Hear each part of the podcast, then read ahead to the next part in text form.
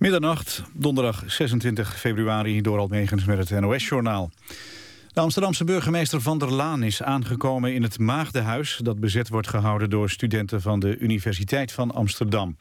En werd bij binnenkomst vergezeld door politiemensen. De studenten vielen eerder vanavond het Maagdenhuis binnen... na een protestmars vanuit het Bungehuis. Een gesprek met de leiding van de universiteit liep op niets uit. De studenten betogen al anderhalve week voor meer democratie binnen de universiteit. Een ruime meerderheid in de Tweede Kamer is voor het verlengen van het steunprogramma van de EU aan de Grieken. VVD, PvdA, D66 en GroenLinks spraken zich tijdens een debat positief uit. En ook de SP steunt een verlenging. Volgens Kamerlid Van Bommel is dat nodig om een complete bankrun in Griekenland te voorkomen. Minister Dijsselbloem benadrukte dat de verlenging niet betekent dat de Grieken op korte termijn weer geld krijgen. Dat komt pas vrij als de nu beloofde hervormingen en bezuinigingen zijn doorgevoerd. Het onderzoek naar ontucht door de Britse zanger Cliff Richard is uitgebreid. Vorige zomer begon het onderzoek naar de 74-jarige zanger...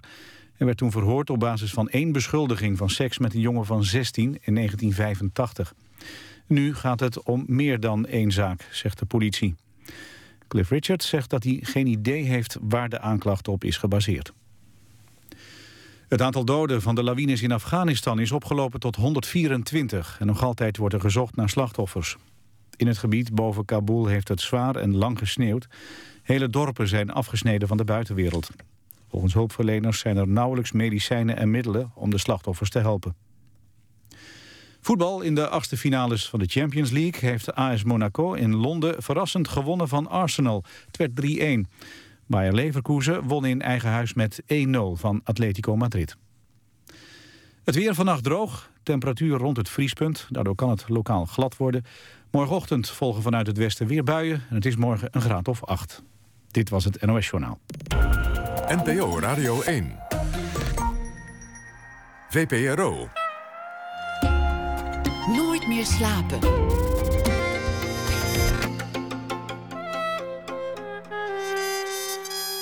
Met Pieter van der Wielen.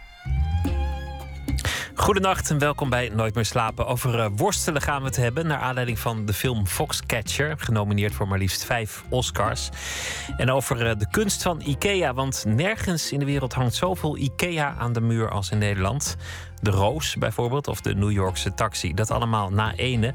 We beginnen met Naima Tahir. Gesluierde vrijheid is de titel van haar nieuwe boek. De moslima in de moderne wereld.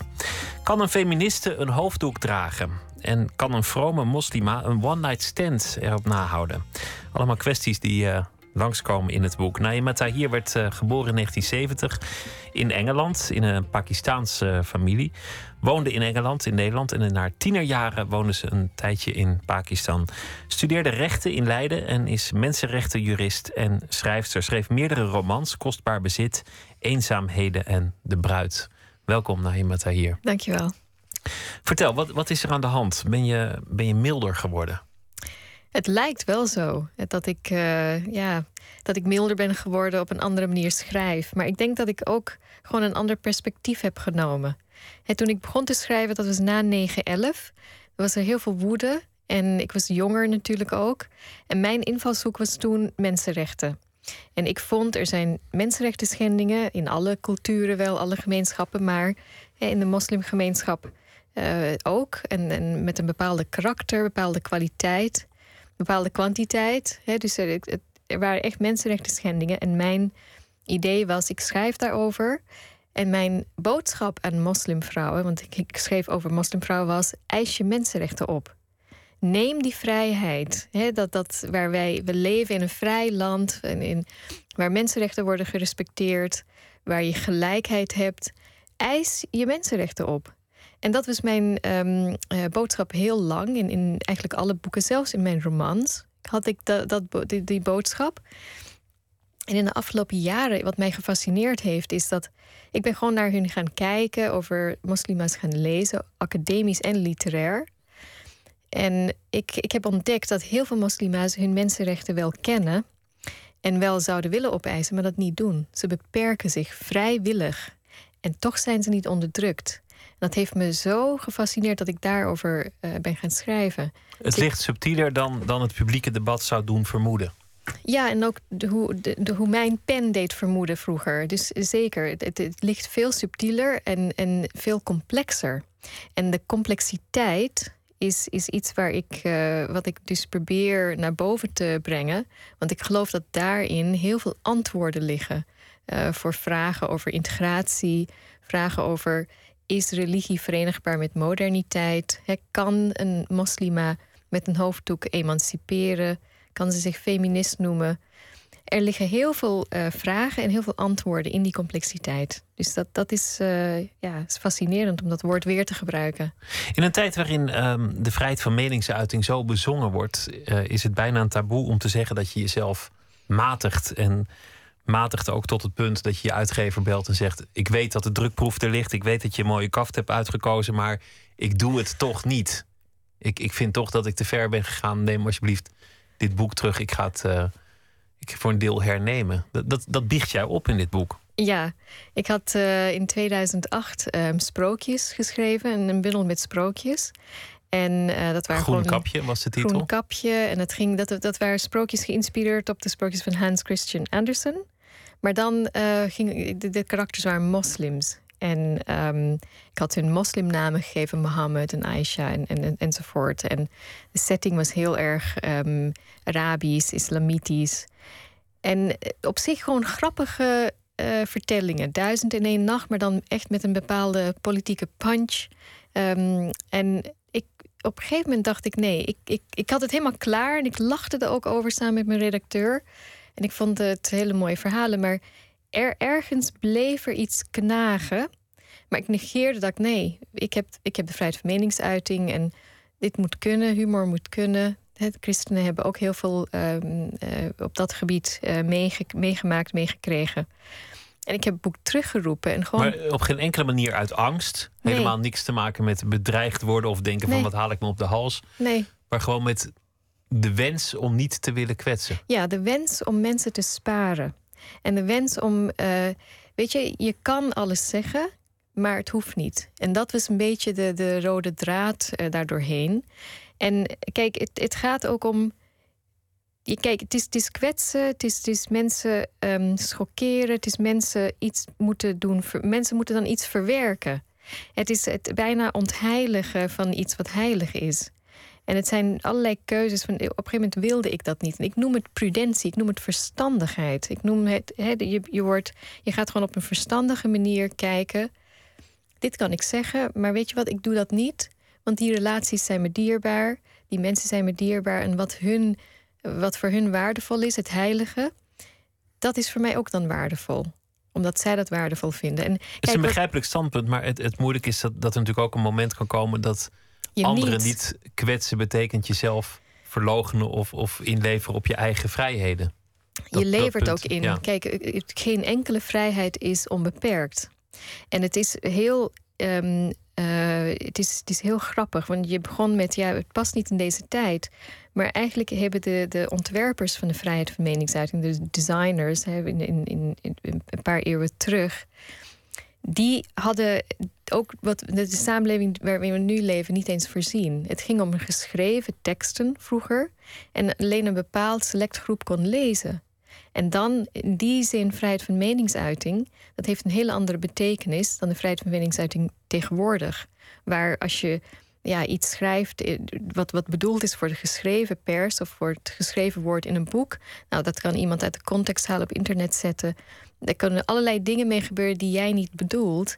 En dat kan ook mensen kwetsen. Dus we leven in, in, in een andere tijd met oude vrijheden, die ook in die tijd niet onbe, onbegrensd waren. Ze waren nooit onbeperkt, als, als onbeperkte vrijheden bedoeld. Ook John Stuart Mill en ook Mark Twain, hè, dus denkers over de vrijheden, hebben gezegd dat prudentie, dus verstandigheid, heel belangrijk is. Er is een hele mooie uh, quote van Mark Twain die ik ook in mijn boek aanhaal. En ik, ik zeg het ik, misschien op ik parafraseer Freedom of speech is a precious thing, but equally precious is the prudence not to use it.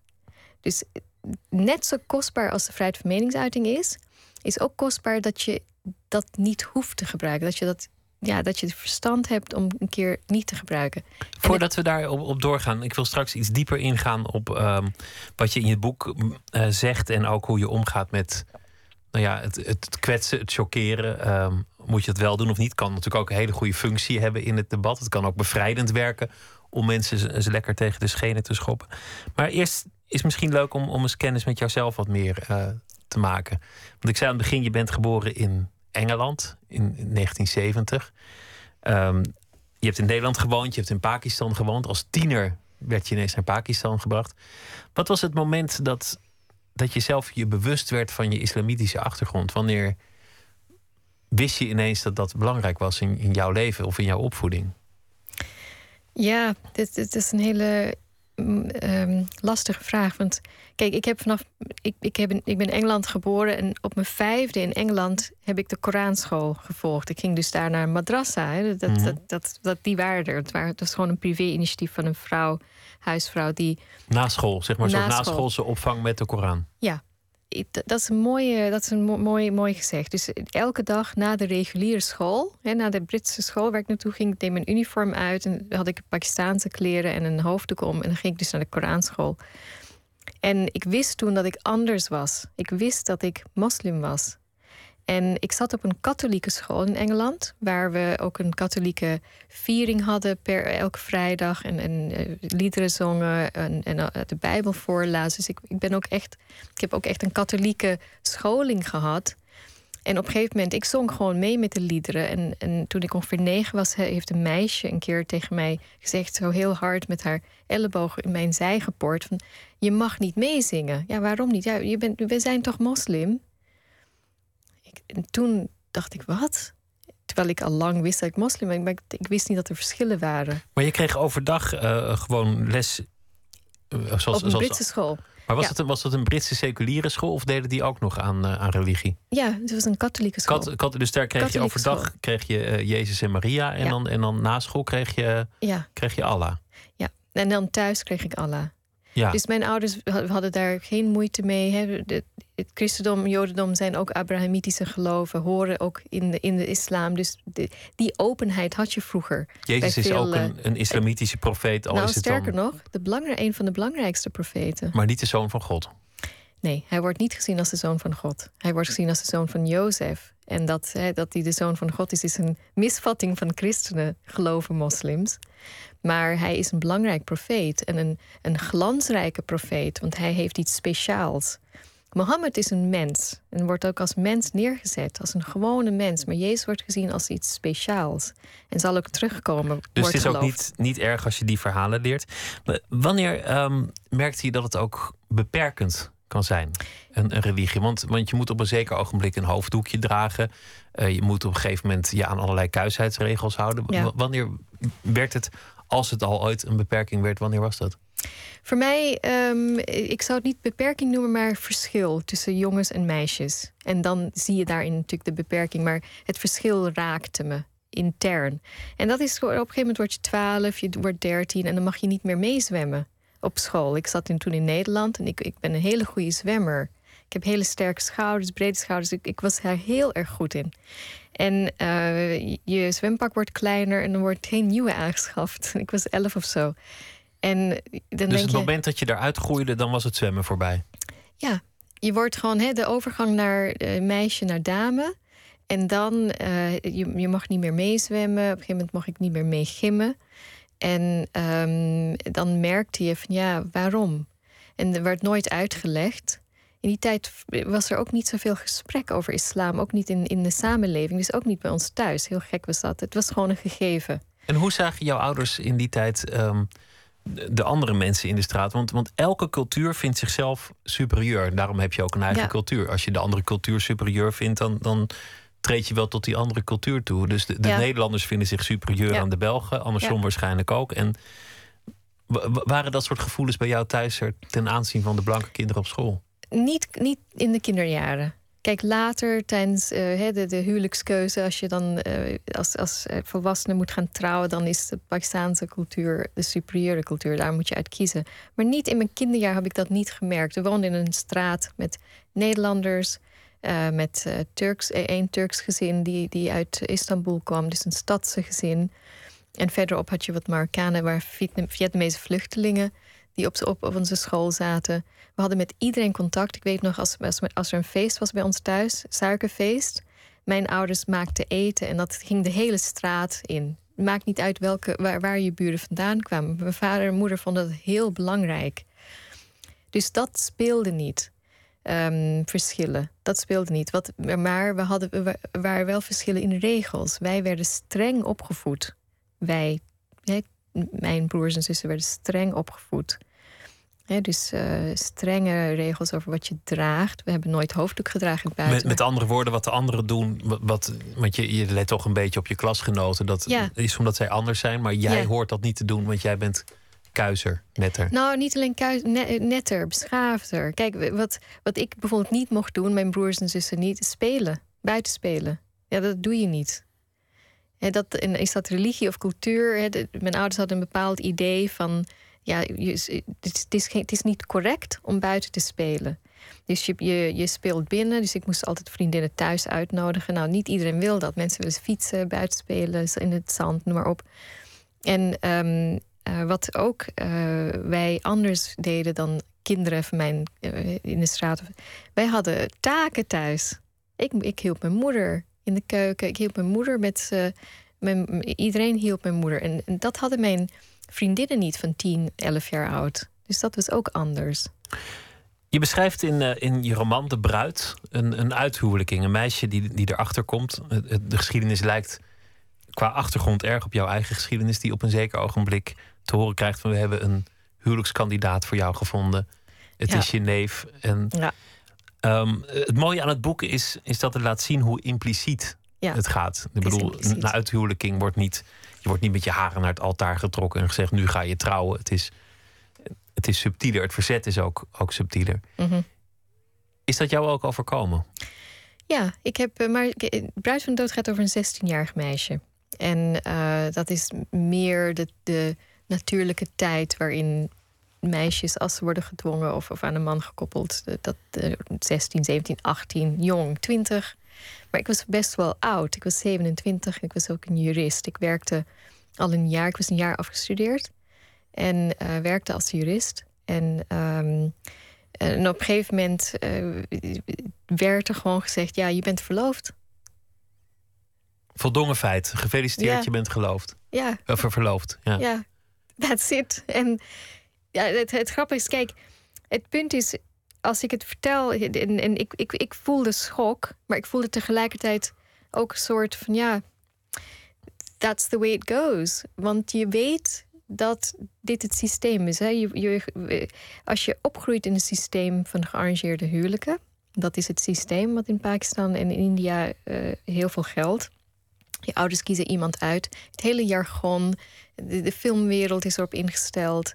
Um, literatuur gaat daar altijd over. Als je televisie talkshows hebt, weet je, het hele, het hele taal gaat daarover. Het is ook een kunst, hè? Een, een goede kandidaat vinden. Ik bedoel, kunst. als mensen ongelukkig worden, dan heb je slecht gekoppeld. Ja, je hebt slecht gekoppeld. En, en het is, um, uh, en in all honesty, de ouders die, die beschaafde ouders die echt welwillend zijn naar hun kinderen toe, doen echt hun best.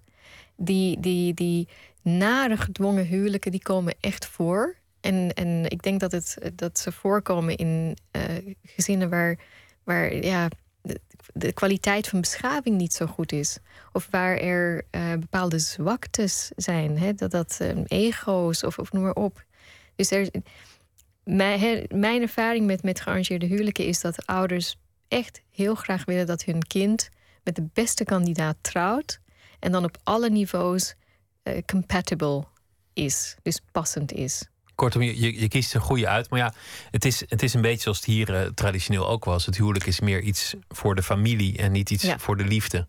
Je trouwt niet omdat je verliefd bent, je trouwt omdat de families een soort alliantie aangaan. Ja, en een huwelijk is om je status te behouden. Dus um, ik ben. Je zegt dat het vroeger hier zo was, ja, vroeger. Maar ik denk dat het nog steeds wel op een bepaalde, in een zekere zin ook nog steeds gebeurt in bepaalde, in een bepaalde, in bepaalde klasses? Dus, dus je wilt ehm, toch met, eh, als je een upper class hoort in allerlei samenlevingen, wil je toch liefst met iemand uit de upper class trouwen. En ehm, er is niet zoveel sturing van de ouders. Ehm, maar ja, je, je doet dan zelfsturing. En je, je zit op bepaalde verenigingen, je gaat naar bepaalde universiteiten. Je hebt een bepaalde uh, herkenning van oké, dat is iemand die uit een gegoede klasse komt. Dus er is zelf, dat zijn dan zelfgestuurde huwelijken. Dus de spontane uh, liefde doorbreekt alle grenzen. Ik, ik weet niet of dat overal, um, of, of de westerse huwelijk zo te karakteriseren is. Hoe ben je er aan ontkomen? Aan, aan het, uh... Ik heb gewoon nee gezegd. En dat kon? Nou, lastig. Ik heb, uh, kijk, nee, it's not done. It was not done. Maar wat gebeurt nee. er dan? En als je, als je zegt nee, ik doe het niet, is het dan een scheuring met de familie? Of is het Ja, dan, nou bekijk het verder maar? Of, of word je dan, eh, Nou, ik heb krijg je een pak rammel? Nee, nou, ik kreeg geen pak rammen. In, in mijn geval, ik heb gewoon, ik wil, ik- mijn, mijn opvoeding, mijn ouders, we zijn heel erg eh, pratend. We praten veel, cerebraal. En eh, dat was het. Het was gewoon een enorme gesprek. Dus hey, ik, ik- kortom, ik kwam erop neer. Op 27e, ik werd verloofd aan iemand die ik niet kende en die ik niet wilde. Maar ik wist, het kwam, ik wist dat het ooit een keer zou eh, komen. Ik wist het. Ik had daarvoor niet nee gezegd. Ik was nooit echt eh, tegen. Dus eh, mijn ouders hadden het gevoel van, nou ja, ze zal er ook niet tegen zijn als we het eenmaal regelen, zoals we dat voor iedereen regelen. Dus ze hadden, het was twee gelijken tegen. Het was niet, ik heb gelijk, zij zijn ongelijk, maar twee gelijken, maar in, in andere tradities. Ik weet niet of dat goed eh, uitgelegd is. Dus ik heb gewoon gedacht: nee, dit ga ik gewoon niet doen. Ik heb, ehm, eh, ja, ik heb mijn leven uitgestippeld. Ik heb, eh, weet je, met plezier rechten gestudeerd, afgemaakt. Ik, ik had dromen om internationaal jurist te worden. En ik had ook dromen om zelf te kiezen met wie ik zou trouwen. Ik, ik wilde dat heel graag. Ik, ik vond die eigen keuzevrijheid die de westerse samenleving mij bood, de voorbeelden daarvan, ja, ik was daar enorm weg van, nog steeds. En dat is ook gewoon een karakterkwestie. Dat wisten mijn ouders wel.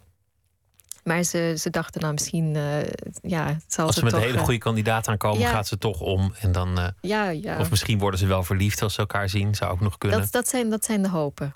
Ja. Dus eh, het was een goede kandidaat. Er was, geen, was niks verkeerds mee. En ehm, eh, ja, opgeleid, al die dingen. Hè, er was niks verkeerds mee. Maar ik wilde zelf kiezen. En ehm, ik wilde ook niet in die gelegenheid worden gesteld om, om een gearrangeerd huwelijk te leren kennen. Ik wilde dat niet. Ik wilde gewoon zelf de keuze maken. Want ik wil zelf in het leven staan, verantwoordelijk zijn. En dat heb ik heel lang. Dus eh, op een gegeven moment, mijn ouders vonden het heel erg dat ik nee heb gezegd.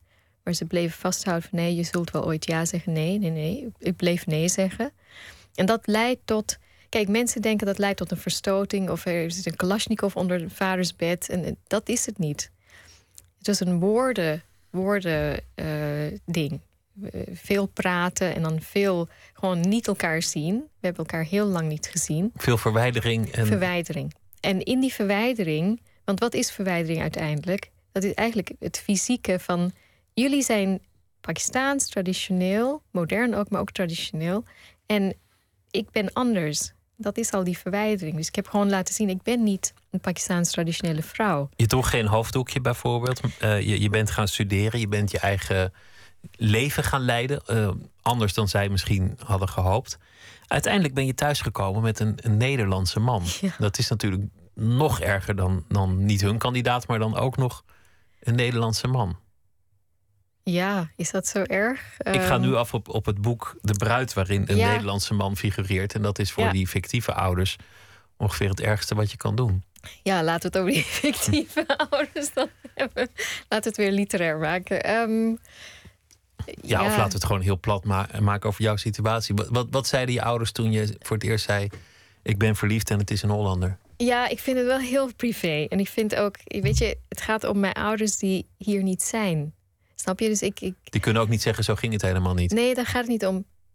Zij hebben een privacy. Hè? Ik ben een publiek figuur. Ik schrijf, hè? dus daarom schrijf ik het liefst toch literair. En, ehm, eh, dus ik, ik laat het even privé. Het is, het is gewoon uiteindelijk ehm, eh, door veel gesprekken En mijn ouders hebben me nooit de deur gewezen. Ze hebben altijd hun armen open gehouden.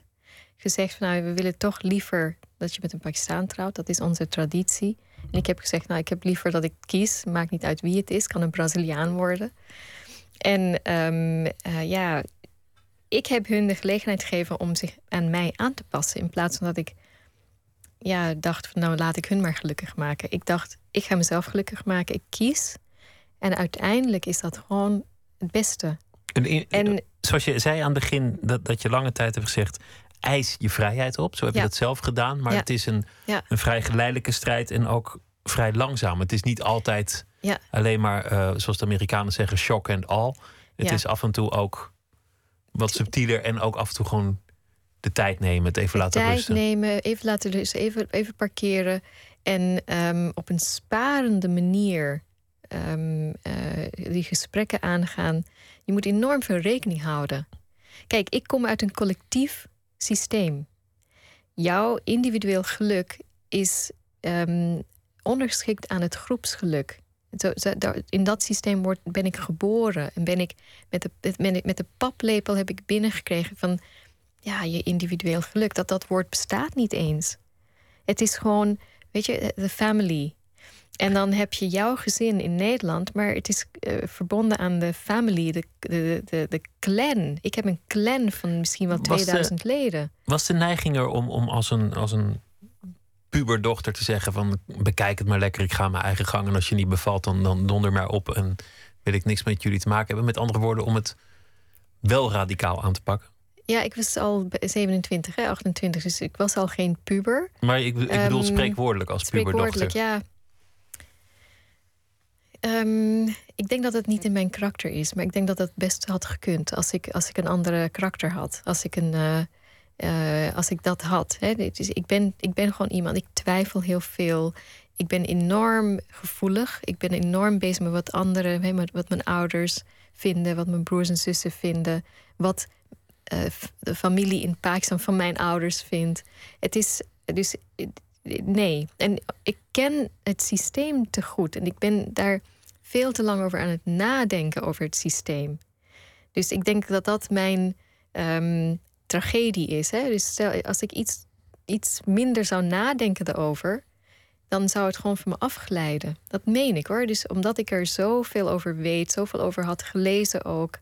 Ik wist van dit is een, het is een, is een kinship cultuur. Kinship is een woord dat in Nederland we gebruiken dat niet vaak. zou je ja. noemen. Ja. Dus die, die verwantschap in de, in de clan-structuur, in de collectieve structuur van Pakistan, um, is uh, wat je familie denkt heel belangrijk, want je steunt op je familie, je leunt op ze, je hebt, je hebt ze nodig voor alle, al je levensfasen die komen gaan. Dat laat je niet zo makkelijk los en nee. misschien wilde je dat ook niet.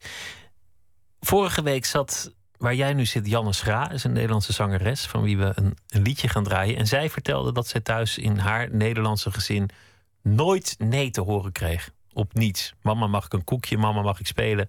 Wat ze ook wilde, de ouders die zeiden wat jij wil. En die zei dat heeft er later op, op zijn eigen manier ook weer uh, nou ja, allerlei problemen gebracht. We gaan luisteren naar het nummer Good Now.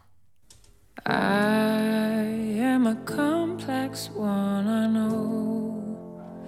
Guided by my heart, always about to change direction.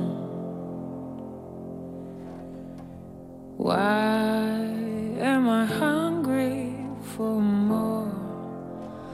Always on the run, why am I longing for reaction? Why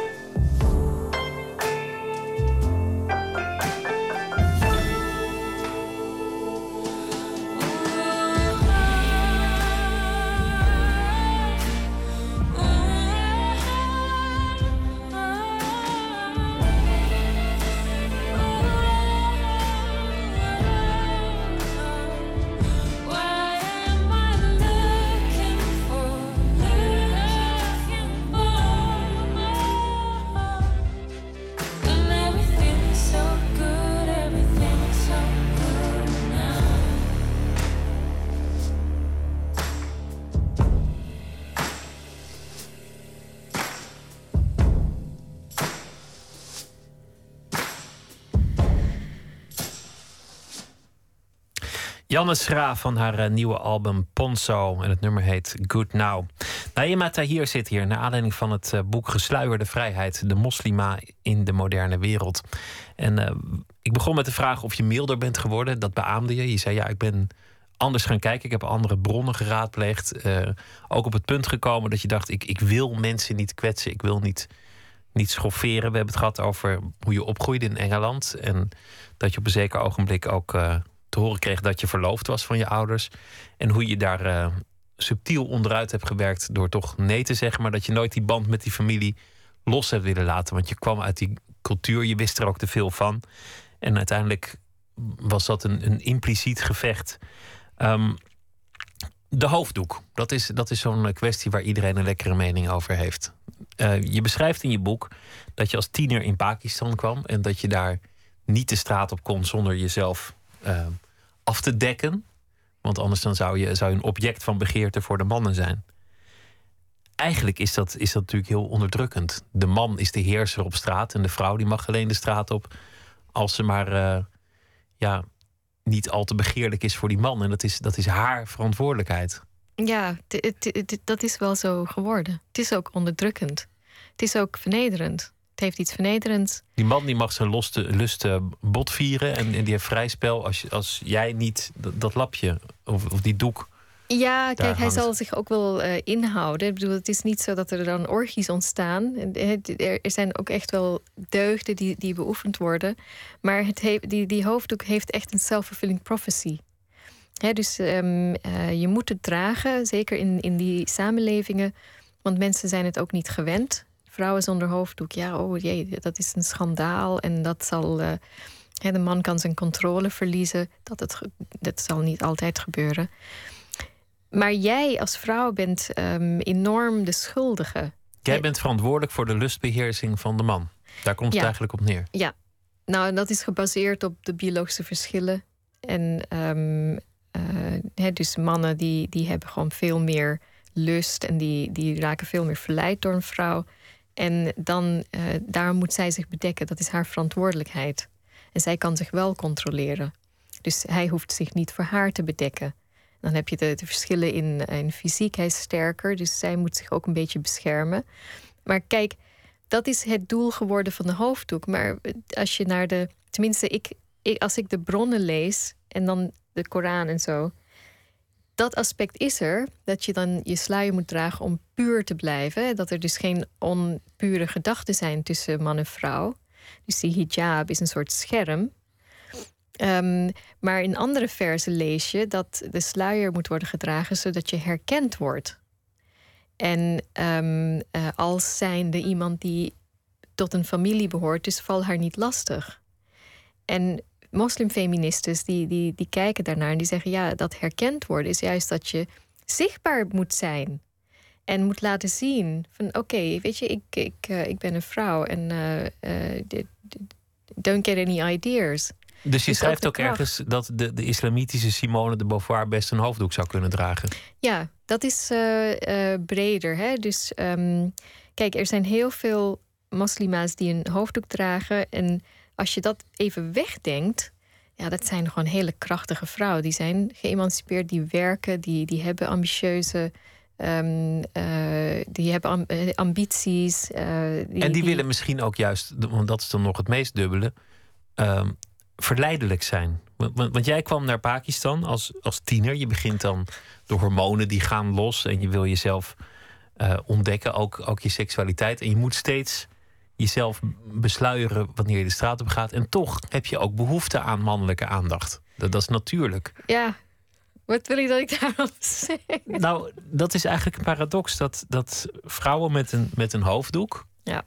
wel degelijk aantrekkelijk willen zijn. Die willen ook best dat een man naar ze kijkt. Die willen ook dat, dat een man ze mooi of, of misschien wel sexy vindt. Maar tegelijk heb je die hoofddoek om die juist dient bewaren.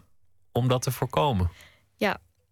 Ja, het zijn nu een paar dingen die je, die je, open, die je opentrekt. Dus kijk, het, idee van een hoofddoek is je uh, moet afstand bewaren, reserve. En dat je um, mannen niet moet verleiden.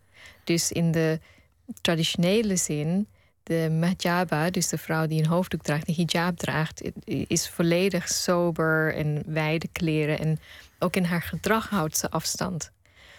Maar je hebt allerlei soorten uh, vrouwen, allerlei soorten leeftijden. Dus ook jonge vrouw, puberende vrouw, twintigers, noem maar op. En um, ook allerlei identiteiten die een vrouw heeft. Een, vrouw heeft. een moslimvrouw heeft niet alleen de identiteit van een moslima. Ze heeft ook de identiteit als collega. Of als um, vriendin. Of als consument. Um, ze wil assertief zijn. Ze wil uh, ja, professioneel zijn. En daar hoort een bepaalde uiterlijk bij. Misschien ook make-up bij. En, en, en een kort rokje. Dus dat krijg je. Dus je, je en, en ze heeft ook uh, mannen als vriend, als collega's. En dan heb je ook bepaalde gedrag naar mannen toe. En dus die, er komt gewoon een diversiteit in gedrag. Een gelaagdheid in gedrag en een gelaagdheid ook in redenen waarom je zo'n ding draagt. Maar ook een gelaagdheid in hoe zo'n moslima er dan uitziet. Ze is niet alleen een grijs muisje, zoals dan origineel de traditionele denkers zouden bedoeld hebben.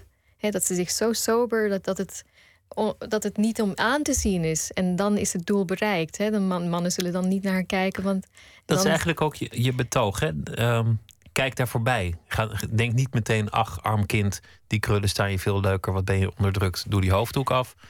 Maar kijk daar voorbij en, en wat is iemand nog meer behalve alleen ja. die, die hoofddoek? Ja, dat ook. Maar we, hebben, we koppelen aan de hoofddoek vaak um, de, de, het achterlijke.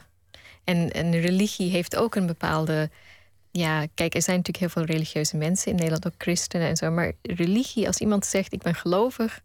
Ja, we kijken daar toch met een beetje van: Oh ja, dan ben je toch een beetje een, een, eh, een sulletje. Dus het heeft iets negatiefs. En in, in, in het geval van moslimvrouwen, als zij islam aanhangen of een hoofddoek dragen, heeft het niet alleen iets zulligs, maar ook iets, ja, echt, dat, dat is onderdrukt. Jij loopt achter. En dan tegenwoordig, oh, jij bent gevaarlijk. Dat, dat is dan de laatste toevoeging sinds de afgelopen tien jaar. Je bent dus een terrorist of je steunt het. Je bent gewelddadig of je steunt het. Dus al die negatieve associaties zitten daar. En vooral het onderdrukte uh, aspect heb ik, um, ja, ik nodig de mensen uit. Forget it. Ook al denk je het, parkeer het even. Liefst zou ik zeggen, denk het niet. Maar kijk naar wat voor vrijheden ze voor zichzelf verovert. Kijk naar wat voor, voor emancipatie ze voor zichzelf nou, heeft veroverd. Wat er nog meer is. Wat ik een van de leukste dingen vond in het boek is um, dat je een tijdelijk huwelijk kunt sluiten in, in de islamitische wereld. Dus, dus je wordt uh, verliefd of je bent aangetrokken of uh, nou ja, zoals je dat in, in andere beschavingen ook doet. Je weer een, een soort snuffelstage met een man voordat je definitief het huwelijk Dat kan. Je kunt een, een, een tijdelijk huwelijk afsluiten om toch kuis te zijn en een one-night stand te hebben. Hoe werkt dat? Nee, niet dat laatste. Geen one-night stand? nee, dat heeft een, ooit een, iemand in een, uh, in een in pers, in, in een krant gezegd. Ik, ik moet, dit, is, dit is een hele delicaat onderwerp. Kijk, je zegt in de islamitische wereld... en dan lijkt het alsof het everywhere in de islamitische wereld voorkomt.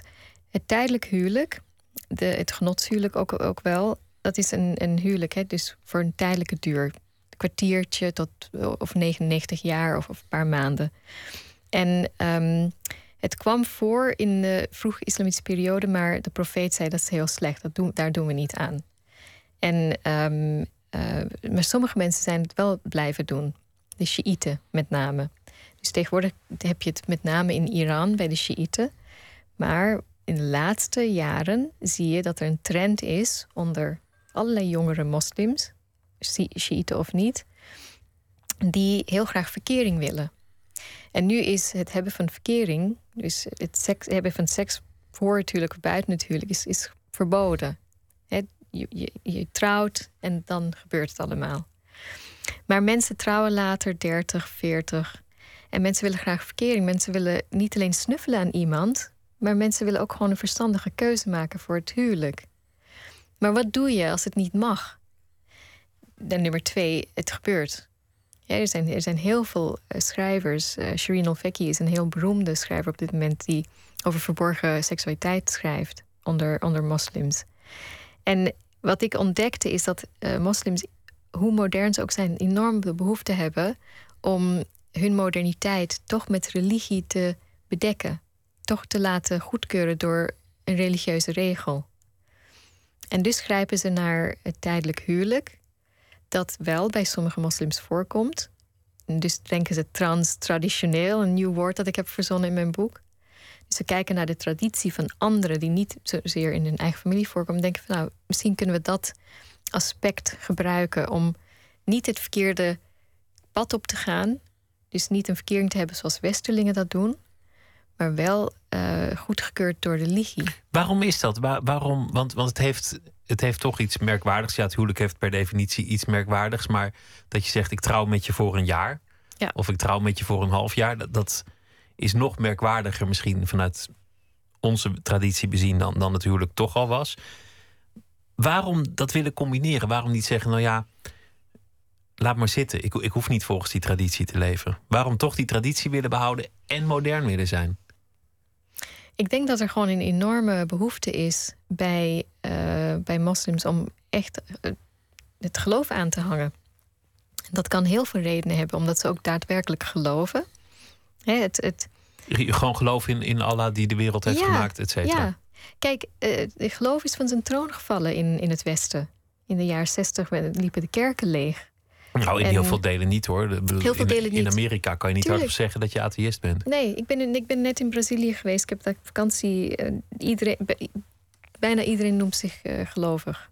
Hè? Dus uh, christen. Volgens mij is wereldwijd is, is 90% van alle mensen zo gelovig als maar zijn kan. Ja, maar toch is in, um, in het Westen mag het. Je mag gewoon niet gelovig zijn. Het is oké. Okay. Dus, dus God is niet overal heilig is echt ook van zijn troon afgezet. Zijn andere heiligheden daar in de plaats voor gekomen. Het secularisme, um, ja, het liberale uh, gedachtegoed, allerlei dingen. En um, bij moslims is dat nog niet zo.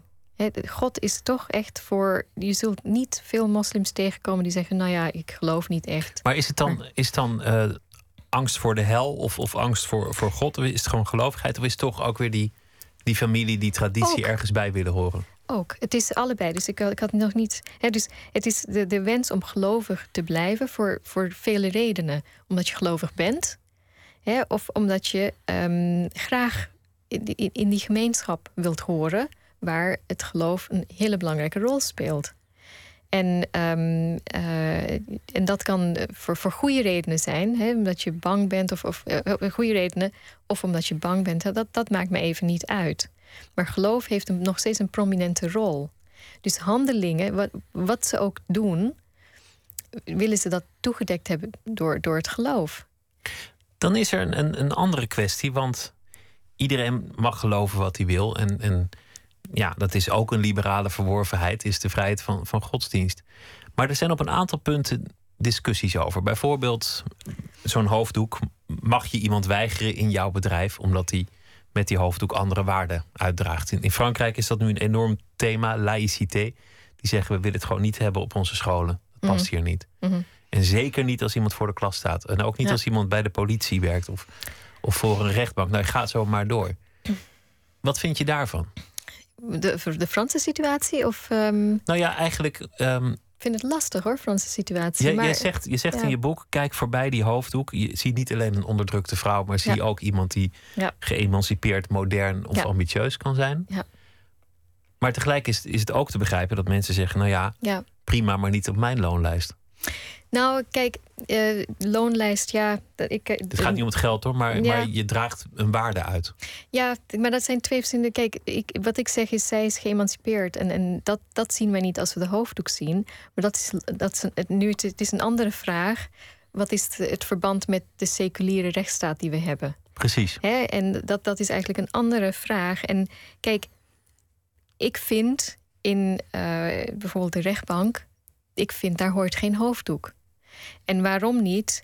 Uh, los van haar emancipatie, dit gaat nu over. Uh, de, de hoofddoek is wel een symbool van een geloof.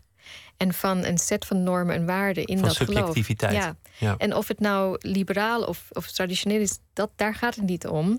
Het gaat erom dat zij um, met een hoofddoek uitstraalt: ik ben gelovig, ik ben moslim.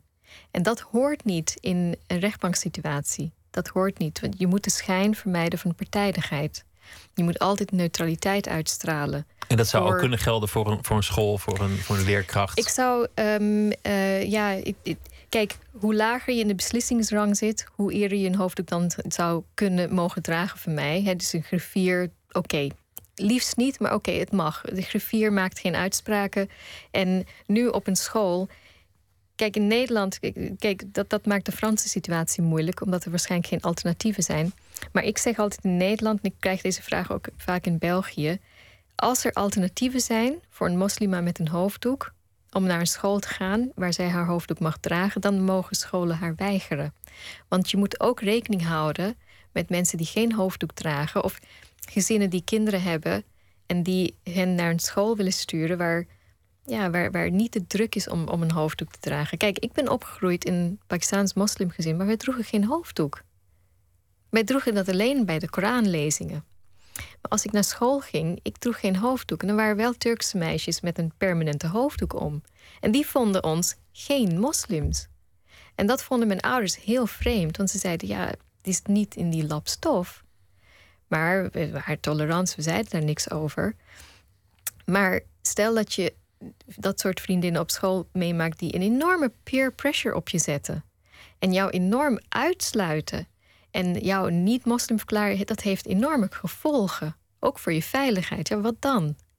Het, dat, dus- is, dat is ook interessant in jouw uh, roman De Bruid. Dat um, de hoofdpersoon, en volgens mij is dat ook wel een beetje autobiografisch, zich enorm onzeker voelt uh, als Pakistaans meisje dan op een Nederlandse school. En denkt: Oh, had ik ook maar boterhammen met kaas, want ik ben de enige met, met die kruidige maaltijd hier. Ja. En eigenlijk heel graag ergens bij wil horen. Ergens wil excelleren, ergens wil een identiteit aan wil ontlenen, ergens wil er gewoon goed in wil zijn. Ja, maar ook in, eh, ergens, je wilt niet de andere, je wilt niet anders zijn. Je wilt, niet, je wilt gewoon opgaan in de rest. Want dan val je niet op. Dus opgaan in het een of in het ander? Opgaan eigenlijk. in het een of ander, ja. En daarom is um, uh, in, in, in dit roman, en dat is ook in mijn leven gebeurd. Kijk, omdat uh, ik dan. Ik kon niet volledig Brits zijn, want ik was al weggaan uit Engeland op mijn tiende. Ik kon niet volledig Nederlander zijn, want ik woon hier sinds mijn tiende. Dus met, ik, ik praat met een accent, ik, zie er, ik heb een bruine huidskleur, ik ben kleiner dan de rest. Dus ik kon, wat, wat ik ook deed, ik werd geen volledige Nederlander. Ik werd ook geen volledige Pakistaan. Want die lopen al anders. Die hebben ook, ik heb ook een accent in het Punjabi, mijn moedertaal. En waar kon ik wel in excelleren? dat was islam. Ik kon de beste moslim worden. Je hebt geen paspoort er zijn regels. nodig. Je moet gewoon vijf keer per dag bidden, de goede kant op. En ja, maar je, hebt, geen, je hebt verder geen, geen paspoort nodig. Je, hebt verder, je kan gewoon van day one beginnen en, en God accepteert je. Dus je wordt, en ik werd een tijdje heel, heel erg vroom. Ik werd zo vroom dat ik niet geen televisie keek. Ik, uh, ik was niet, um, uh, in het Engels heet het idle. Dus ik, er was geen moment dat ik niks deed. Ik was altijd ijverig bezig. En wat was het moment dat dat ophield? Was dat toen je weer kon excelleren in iets anders? Ik heb volgens mij die hele vrome periode heel lang, ongeveer zeven jaar, dus 15 tot 22. Dus um, ik denk na een één of twee jaar in mijn studie ben ik echt veranderd. Dus, um, Want toen, toen ging je andere boeken in Nou, niet daar... alleen andere boeken, maar ik keek gewoon naar studenten. Ik vond hun, ik vond, ze waren gewoon vrolijk. En ik was niet vrolijk. Ik was constant bezig met uh, ik, ja, ik, ik hoef me niet aan jullie uh, te spiegelen. Ik, uh, ik heb God en jullie gaan naar de hel en ik ga naar de hemel. En toen dacht ik, ja, stel dat dat zo is. Ja, ik ben niet gelukkig. Look at them. Ze zitten te lachen, ze genieten van het leven, ze hebben lekker pauze. Ik woonde in een studentenhuis en ja, ik was de hele tijd aan het studeren, studeren, studeren, studeren. Want ja, niks doen, ja, dat is een zonde. En God gaat me straffen en zo. En die meiden die gingen gewoon theeleuten op het balkon. En dan bij de dames een beetje studeren. Een beetje uitgaan. Lang weekend naar hun ouders. Lang weekend naar de duinen. Even weg, zeilen. Al die dingen deed ik niet. En toen, ja, mijn ogen gingen gewoon open. Van ja, je moet volgens mij ook een beetje leven. De wereld in. Je hebt een lange tijd uh, in het debat je gemeente gezegd... Uh, eis je vrijheid op. Je was ook altijd heel fel over de islam. Iets waar heel veel discussie over is. Een van de dingen die. Ik was nooit veel over de islam, moslims. Nou, een van de dingen die jij bijvoorbeeld zei, want ik, ik heb het ter voorbereiding teruggekeken, was. Uh, Jezus was een pacifist en, en Mohammed was een strijder. Er is een fundamenteel verschil tussen de twee religies. Ja. Dat is een van de dingen die jij toen. Ja, maar dat is Zei. ook zo. Dat, dat is ook zo. Ja, dat is ook zo. Jezus was geweldloos. Ja. Maar de, de, de toon die je nu aanslaat is zoveel milder. Zoveel. Maar dat is even Zachter. terugkomend. Dat is geen. Ik schrijf niet over islam. Ik heb het echt over moslims. Mohammed is een moslim. Dus kijk, de islamkritiek, wat mensen zeggen dat ik doe, dat, dat, dat, dat laat ik aan anderen. Dus ehm, zijn die bronnen wel correct of eh, weet ik veel Mhm. wat. Maar ik heb het over het gedrag van, eh, van mensen, van moslims. Dat vind ik interessanter. En ehm, eh, ja, Dat, dat is natuurlijk maar is dat uiteindelijk ook. kritisch? Dat is gewoon eh, beschrijvend. Dat, dat, is gewoon, dat is gewoon een feit. Maar het, Dat is gewoon beschrijvend, toch? Ik zou dat vandaag ook zeggen. Dat is toch zo? Kijk, het Jezus is, het heeft is ook nooit, zo. Maar het, eh, het, ehm, het is nu iets waar onwijs veel discussie over is. En ik, ik denk dat je gelijk hebt dat je uiteindelijk gewoon op gedrag moet richten. Want als, als, je, ja, als we met z'n allen de Koran moeten gaan uitspelen en zeggen wat klopt wel, wat nou, dat klopt mogen niet. mensen doen. Dat, er zijn mensen die zich daarin specialiseren, Mhm. maar dat ben ik dus niet. Ik specialiseer mij in, in mensen en, en moslims en mensenrechten en, en het gedrag en hoe mensen die, die religie beleven en hoe verschillend dat is. En hoe zij dus ehm, dat verzoenen in, in, in- tegenwoordig met moderniteit, met, met een westerse lifestyle, met ehm, het individualisme. Dus dat, dat zijn mijn, eh, mijn, mijn interesses. Maar heeft dat ook te maken met, met veranderingen in jezelf? Want, want je zei, ik, ik werd heel vroom toen ik hier kwam. Ja. En, en later werd ik heel losgeslagen. Nou ja, losgeslagen is wat overdreven, maar werd ik wat vrijer. En, en nu milder, geen zin meer om, om te kwetsen, meer oog voor de andere Ja. kanten. Toch, toch eigenlijk terugkomend op de hardheid van je oordeel eerst. Ja, en ik vraag me af, wat is het, hè? Mhm. Waar, waar komt het door? En ehm, eh, komt het door ouder worden? Komt het door ehm, eh, meer hebben gelezen, met meer mensen in gesprek te zijn gegaan? Ehm, komt het door dat eh, de woede van 9-11 weg is, ook uit het debat? Waardoor die debat jou niet meer stuurt, maar dat je gewoon meer naar jezelf kijkt van nou, wat denk ik los van, geïsoleerd van het debat? Wat, wat denk ik? En uiteindelijk merkte ik van wa- waarom schrijf ik? Hè? Waarom val ik mensen lastig met mijn werk en met mijn boeken? Waarom verdoe ik hun tijd? En de uiteindelijke reden is je zoekt naar de waarheid. Je zoekt gewoon naar de waarheid. Dus in plaats van pamfletisch te zeggen: dit is wat jullie moeten doen, dacht ik van nou ja, wat is de reality voor veel moslima's? Wat is de reality? Hoe, En hoe- dat- wat, wat zit er achter die sluier? Hoe leven die mensen echt als je er voorbij kijkt? Bijna antropologisch kijken. Hoe, hoe gaat het er eigenlijk aan toe? Wat gebeurt er? Nou, dat is heel breed, hè? want dit is natuurlijk een hele grote groep. Maar de kern is, eh, de moslimvrouw is bezig met een enorme balancing act. Het balanceren, elke dag, op praktisch niveau zelfs, maar ook op, op eh, geestelijk niveau. Van ehm, hoe kan ik moslima zijn, maar ook leven eh, eh, in, in een westerse samenleving ehm, dat me gelukkig maakt.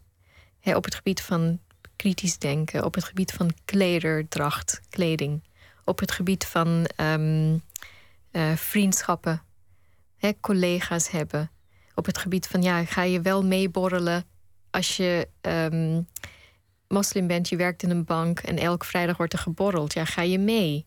Oké, ik ga mee, ik zal niet drinken, maar als ik dan naar huis kom, naar mijn ouders toe, ga ik hun vertellen over: hé, hey, we hebben lekker gezellig zitten borrelen. Of, of wat ook gebeurt, is, is eh, drankjes wel aannemen en vervolgens laten staan Ja. of, of wegkiepen. ja, wegkiepen. Dan, dat je dan enorm je best doet bij de westerse kant om te laten zien: hey, I'm one of you. Want je wil niet dat zij je uitsluiten of, of eh, grapjes over je maken. Dus dat, dat kan. En ehm, ik denk dat heel veel mensen dat, eh, dat. Dat is dan een extreem voorbeeld uit een film. Hè? Dat, dat- dat heb ik genomen, dat heb ik in mijn boek verwerkt. Maar je draagt eh, westerse kleren soms omdat je echt wilt opgaan in die, in die groep. Is het En- iets wat, eh, wat, wat met de jaren ook terugkomt? Je groeit op in een traditie. Ja. Je, je bent nu ook moeder geworden sinds een paar Ja. jaar. Dan, dan grijp je ook terug aan, naar dingen in je eigen jeugd. Hoe deed Ja. mijn moeder dat? Ja. Merk je dan dat die traditie toch nog ergens in je vezels Ja. zit? En, en mensen zeggen, eh, eh, je bent milder geworden. En ik denk, misschien was ik al zo. En dat ik dus nu gewoon een soort terug naar mijn roots ga. Ehm, kijk, ik heb de wens tegenwoordig met het schrijven, omdat ik moeder ben, uh, wat ik ook schrijf, ik wil een betere wereld achterlaten. En um, uh, voor, voor de toekomst, voor de, voor de kinderen van, uh, van morgen. Gewoon een betere wereld. En doe ik dat als ik zou zeggen van... hé, hey, laten we, weet veel, laten we het heilige boek door de wc spoelen. Ik, ik denk het niet.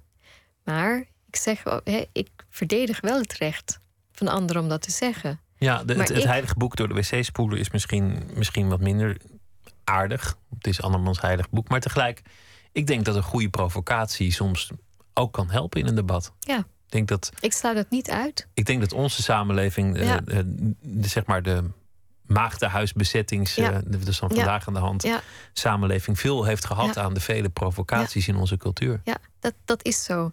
Maar weet je wat het punt is met uh, niet maar, hè? want dan wat, alles wat naar maar komt, maar dat, dat is zo. Punt. Ja? Um, we moeten wel oppassen dat. Um, kijk, er wordt veel um, heel kritisch en, en uh, op een uh, ja, satirische manier over religie, over islam geschreven door, door mensen die verder daar niet in geïnteresseerd zijn in de bredere betekenis van dat geloof. Dus islam wordt heel vaak gereduceerd. Ja, ik moet het anders zeggen. Er is zo weinig begrip over uh, moslims hun belevingswereld, hun geloof. Ook door mezelf. Ik ben ook nog steeds een student daarin. En wat krijg je in, in het debat is vaak echt een reductie van, uh, van islam. Hè? Dus uh, ja, dan, dan krijg je daarop de, de satire. Kortom, je, je, je, provoceert over iets waar je misschien helemaal niet zoveel verstand van hebt. En, en dat... dat mag. Um, maar als het zo vaak gebeurt, je krijgt gewoon, ja, je krijgt gewoon hele uh, scheve, ja, je, je krijgt gewoon scheve uitingen, vind ik. Ik snap het. Ja, ik snap ook wel de wens om, om, uh, om soms niet te willen kwetsen. Ik, ik, was een keer in Nepal en er vroeg een hindoe heel boos. Die zei, kom je uit Europa? Klopt het dat ze daar koeien eten? Want voor hun is de koe heilig. Ja, nou. En ik, ik wilde daar gewoon vanaf zijn. Dus ik zei, nou, ik weet dat het gebeurt, maar ik heb het zelf nooit gezien. Maar waarom wilde jij daarvan af zijn? Waarom wilde jij dat? Waarom? Omdat ik, ik dacht, het is voor die man zo belangrijk en het maakt nu zo weinig uit. En wat voelde je daarbij? nou, verder niet heel veel. Nee, maar heb jij een betere wereld voor hem achtergelaten in dat nou, moment? Ik had, hem, ik had hem heel chagrijnig kunnen maken door te zeggen... ja, koe, dat eten wij nou eenmaal. En de discussie aan te gaan. Of ik had het gewoon... Maar had jij een betere wereld nagelaten toen je dus jezelf inhield? Het maakte mij moment? niet uit. En ik, ik, ik bewaarde de dag, zeg maar. Toch? Maar denk je er met plezier aan terug? Ja, ik vond het wel geestig eigenlijk, achteraf. Naima, dankjewel. Ik ja, uh, noem de titel van ja, het uh, boek Gesluierde Vrijheid. Dankjewel.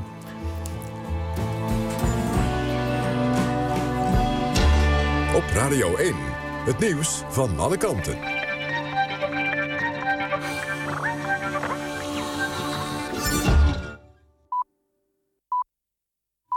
1 uur door Almegens met het NOS-journaal. De Amsterdamse burgemeester Van der Laan is kort voor middernacht naar het Maagdenhuis gegaan... om te spreken met de studenten die het gebouw bezet houden. De burgemeester zei de problemen van de studenten te begrijpen... maar dat dit niet betekent dat hij de actie steunt. Van der Laan werd vergezeld door politiechef Albersberg. Tegen verslaggever van AT5 zei Albersberg dat de politie voorlopig niet ingrijpt. We zijn hier om te spreken en niet op dit moment om te ontruimen, al dus de politiechef. De studenten vielen aan het begin van de avond het Maagdenhuis binnen na een protestmars. Een gesprek met de leiding van de universiteit liep op niets uit. De studenten betogen al bijna twee weken voor meer democratie binnen de universiteit. Een ruime meerderheid in de Tweede Kamer is voor het verlengen van het steunprogramma van de EU aan de Grieken. VVD, PvdA, D66 en GroenLinks spraken zich tijdens een debat positief uit. Ook de SP steunt een verlenging. Volgens Kamerlid Van Bommel is dat nodig om een complete bankrun in Griekenland te voorkomen. Minister Dijsselbloem benadrukte dat de verlenging niet betekent dat de Grieken nu op korte termijn weer geld krijgen. Dat komt pas vrij als de nu beloofde hervormingen en bezuinigingen zijn doorgevoerd. Het aantal doden van de lawines in Afghanistan is opgelopen tot 124. Nog altijd wordt er gezocht naar slachtoffers. In het gebied boven Kabul heeft het zwaar en lang gesneeuwd. Hele dorpen zijn afgesneden van de buitenwereld. Volgens hulpverleners zijn er nauwelijks medicijnen en middelen om de slachtoffers te helpen. Het onderzoek naar ontucht door Cliff Richard is uitgebreid. Vorige zomer begon het onderzoek naar de 74-jarige Britse zanger. Hij werd toen verhoord op basis van één beschuldiging... van seks met een jongen van 16 in 1985. Nu gaat het om meer dan één zaak, zegt de politie. De zanger zegt dat hij geen idee heeft waar de aanklacht op is gebaseerd. Het weer vannacht droog. Met temperaturen rond het vriespunt kan het lokaal wel glad worden. Morgenochtend volgen vanuit het westen weer buien. En het is morgen een graad of 8. Dit was het NOS Journaal. NPO Radio 1. VPRO. Nooit meer slapen.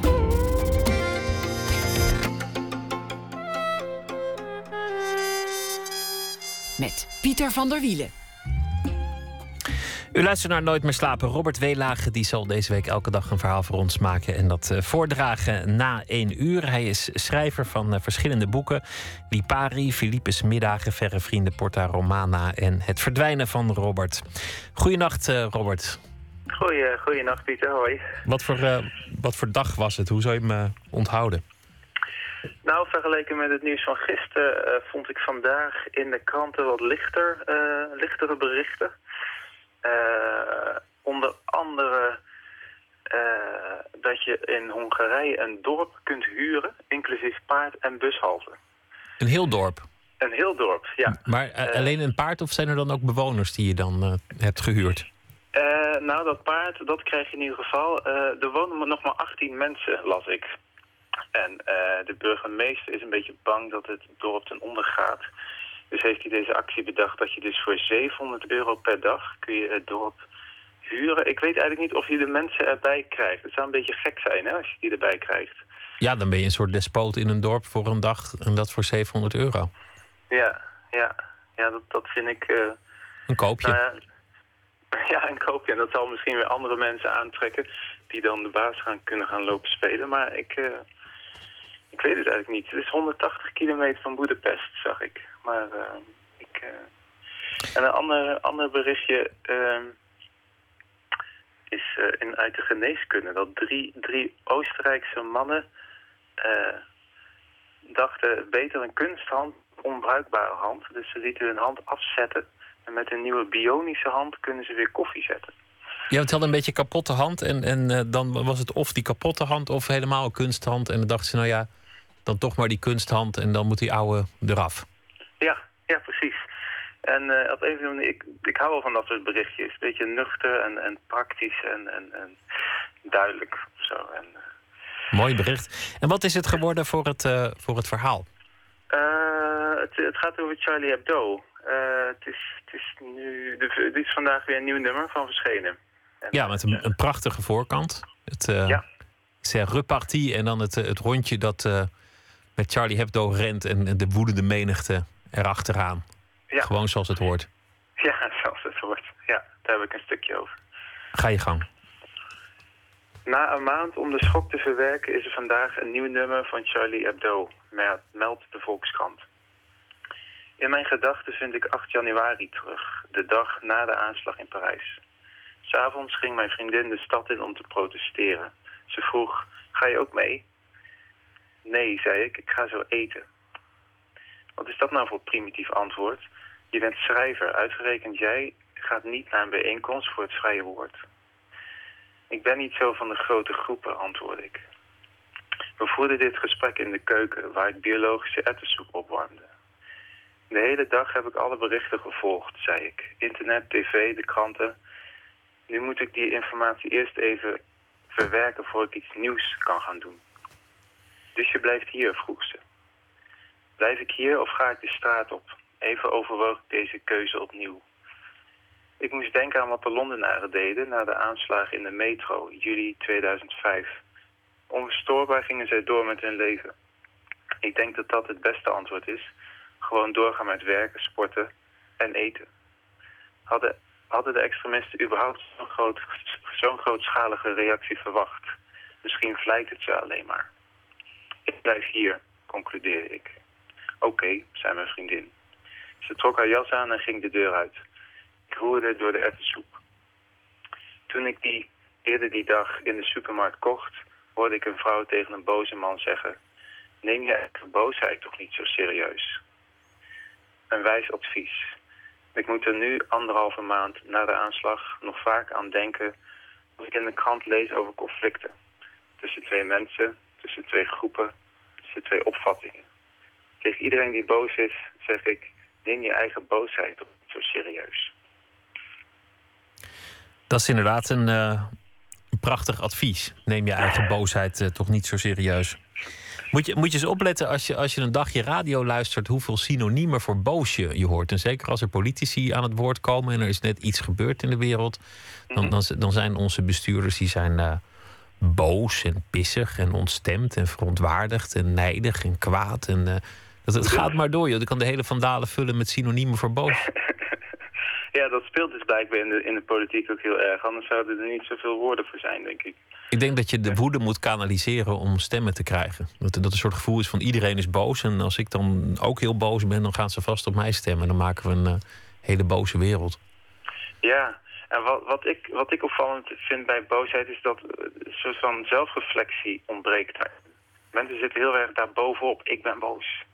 En, uh, en ja, ik denk nou ja, dat, dat zal helpen, dat er een stuk, stuk ruimte wegvalt. En dat het... Uh, dus ik denk, ja, neem, neem je eigen boosheid toch niet zo serieus. Ja, ik vond, ik dat en ik dacht, nou, dat, dat is een opsteker. Ja. ja, heel mooi. En ook leuk dat Charlie Hebdo doorgaat. Ik las in de krant dat het uh, moeilijk is om nieuwe tekenaren te vinden. Dat, dat de meesten toch zeggen, ik wil graag voor jullie tekenen. Maar moet mijn naam er ook onder? Of ik hoef toch niet naar de vergadering te komen? Ja. Of vind je het goed als ik vanuit huis werk? Dus mhm. eh, ja. ja, dat is toch tragisch dat dat. Uh, ja, zeker. zeker. Dat, dat mensen dan toch zich hebben laten afschrikken. Maar goed. Ja. Robert, dankjewel. Hele goede nacht. En uh, morgen graag weer een verhaal. Oké, tot morgen. We gaan luisteren naar muziek van de Amerikaanse zanger Sue John Stevens. Hij heeft een plan opgevat om een album te, wijten aan, uh, te wijden aan elke staat van de Verenigde Staten. Dat is niet helemaal uitgekomen. Het bleef bij Illinois en Michigan. Um, hij heeft in maart een nieuw album gemaakt. De plaat heet Carrie and Lowell. Het gaat over zijn overleden moeder en stiefvader. En um, allemaal liedjes over leven, dood, liefde, verlies en de strijd van de kunstenaar om wat te maken van de schoonheid en de lelijkheid van de liefde. Het nummer heet No Shade in the Shadow of the Cross.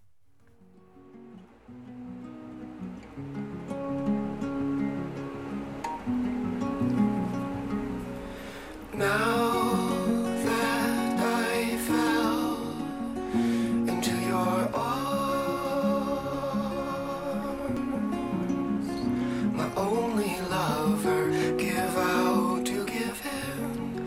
I search for the capsule I lost. Drag me to hell in the valley of the.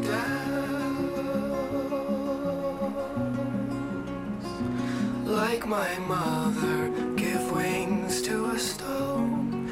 It's only the shadow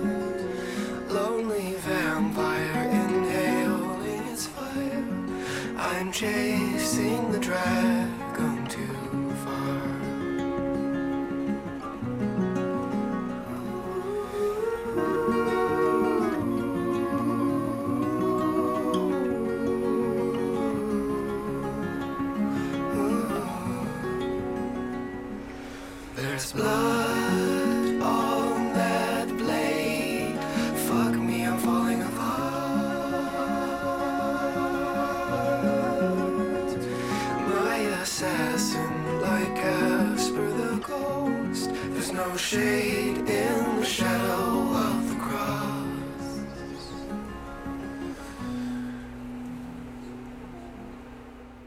No Shade in the Cross van uh, Sue John Stevens. Nooit meer slapen. In de jaren 80 vroeg de excentrieke miljonair John Dupont aan uh, worstelaar Mark Schultz, Mark Schultz of hij uh, zou willen oefenen op zijn landgoed voor uh, de Olympische Spelen. In een prachtig gebouw en dan ook nog voor een prachtig salaris. Nou, dat wilde die armlastige Mark wel. En later ging ook zijn broer Dave werken voor het team, Team Foxcatcher. Het leek een droom voor de voormalig wereld- en Olympisch kampioenen, maar het liep allemaal uit op een nachtmerrie. Hij werd steeds gekker, Dupont, met uiteindelijk fatale gevolgen. Wat is er toch gebeurd tussen die drie mannen? Dat is uh, het onderwerp van de film Foxcatcher en die werd genomineerd voor vijf Oscars maar liefst. Worstelaar en film en televisiewetenschapper Emil Sitocci die bezocht voor ons de film en praat erover met verslaggever Floortje Smit. Do you have any idea who I am? Some rich guy calls you on the phone. I wanted to speak with you about what you hope to achieve. What do you hope to achieve, Mark? I want to be the best in the world. In de worstelwereld is het zeker een heel bekend verhaal. De, de broers Schultz waren um, Amerikaanse helden. Dus als worstelaar zijnde, ja, ik, ik ken het verhaal zeker. Het is, uh, het, is een, uh, het is een heel bekende tragedie. Athletes need role models. Like anyone, they need people to look up to. I want more than anything to win a gold medal. And we have someone who could do that. But there are some psychological issues that we need to take care of. John DuPont is een hele aparte en bovenal excentrieke man. Uh, was ook niet echt een worstelcoach. Was vooral eigenlijk heel erg rijk. En een, een beetje een, uh, een introverte nerd, zou ik willen zeggen. Um, die uiteindelijk uh, ja, de controle over zichzelf in zekere zin verloren is. Waarom begon hij dan als worstelcoach als hij daar eigenlijk niks mee had? Sommige mannen uh, hebben gewoon iets met de worstelcultuur. Dat is iets wat in heel veel mannen ook gewoon ingebakken zit, denk ik. Het recht van de sterkste. En vooral in Amerika is er nog heel veel waardering voor. Voor hard werken en, en de sterkste worden. En Dupont zag zichzelf als een groot Amerikaan. Kwam ook uit een vooraanstaande familie. En ik denk dat daarom die fascinatie voor dat stoer doen heel erg bij hem speelde. Als man zijnde. I am leading men. I am training them. I am teaching them. I am giving them a dream. And I am giving America hope. Je zegt heel veel mannen hebben dat. Merk je dat? Nou, ik merk bij mezelf wel dat, uh, dat er iets in mij zit dat gewoon de sterkste wil zijn. Dat heb ik van jongs af aan al. Ik zag het op televisie toen ik drie was en ik, ik voelde gewoon van dit moet ik gaan doen. Ik wil laten worstelaar worden. En uh, daarna ben ik pas gaan nadenken over waarom ik het eigenlijk wilde... en, en uh, waar het allemaal vandaan komt, die worstelsport. En ik denk dat het gewoon iets genetisch is, iets heel mannelijks. Je bent een krijger, je bent een jager... en je moet je, je, je, gezin en je vrouw en je familie kunnen verdedigen... tegen welke vijand dan ook. Nu, in het hedendaagse tijdsbestek... zijn er nog steeds veel stammen in bijvoorbeeld Afrika... waar een conflict wordt opgelost door te worstelen. En degene die bovenop wint, die, ligt, die heeft gelijk. Maar hier in Nederland is het toch niet zo heel erg populair? Nee, wij Nederlanders zijn uh, niet zo heel macho. We zijn wat bescheidener. We hebben meer de mentaliteit van doe maar normaal, dan doe je al gek genoeg. En wij praten liever over onze problemen. Uh, de Nederlandse man is een klein beetje getemd. Helaas, vind ik zelf. Maar in veel andere landen, um, en dan ook westerse landen zoals Amerika... daar, uh, ja, daar is mannelijke kracht nog steeds heel erg belangrijk. Mark, we as a nation fail to honor you. I want to see this country soar again. What's he get out of all this? Me winning. America winning. Bij worstelen, of tenminste het amateurworstelen, het Olympisch worstelen... dat je in de film Foxcatcher ziet, uh, mag je niet slaan. Mag je ook niet stompen. Uh, neemt niet weg dat een, een, tikje toch wel wordt uitgedeeld. Dat zie je in de film ook heel goed. De vuile trucjes, dat ze elkaar toch net even heel hard uh, in de nek pakken... waardoor het eigenlijk meer een klap is. Maar de bedoeling is eigenlijk om je tegenstander met beide schouders op de grond te duwen... Of punten te scoren door hem om te rollen, dan laat je je dominantie zien. Of door hem uit de ring te duwen. Dus het is eigenlijk heel territoriaal als je er zo over nadenkt. Ik vond eigenlijk dat er heel weinig worstelen in de film zat. Nou, het, is ook niet zozeer een worstelfilm. Het is meer een film over, ehm, over de mensen die toevallig aan worstelen deden. Dat is vaak zo bij van die, uh, ja, van die Hollywood-producties. Ehm, maar ik vond het worstelen dat in de film zat toch wel heel erg boeiend en heel erg gaaf om naar te kijken. Ik denk dat ze wel ook in de film heel goed hebben laten zien hoe mooi die worstelsport eigenlijk is. Alleen de motivatie die eraan ten grondslag ligt, die zie je niet echt. Want dan gaat het toch meer om de mensen dan om de sport zelf.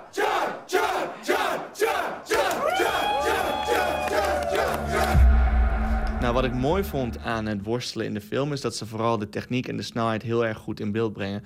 En de acteurs, uh, Channing Tatum en Mark Ruffalo... hebben ook echt wel hard getraind, dat zie je meteen... om die technieken zo goed te beheersen.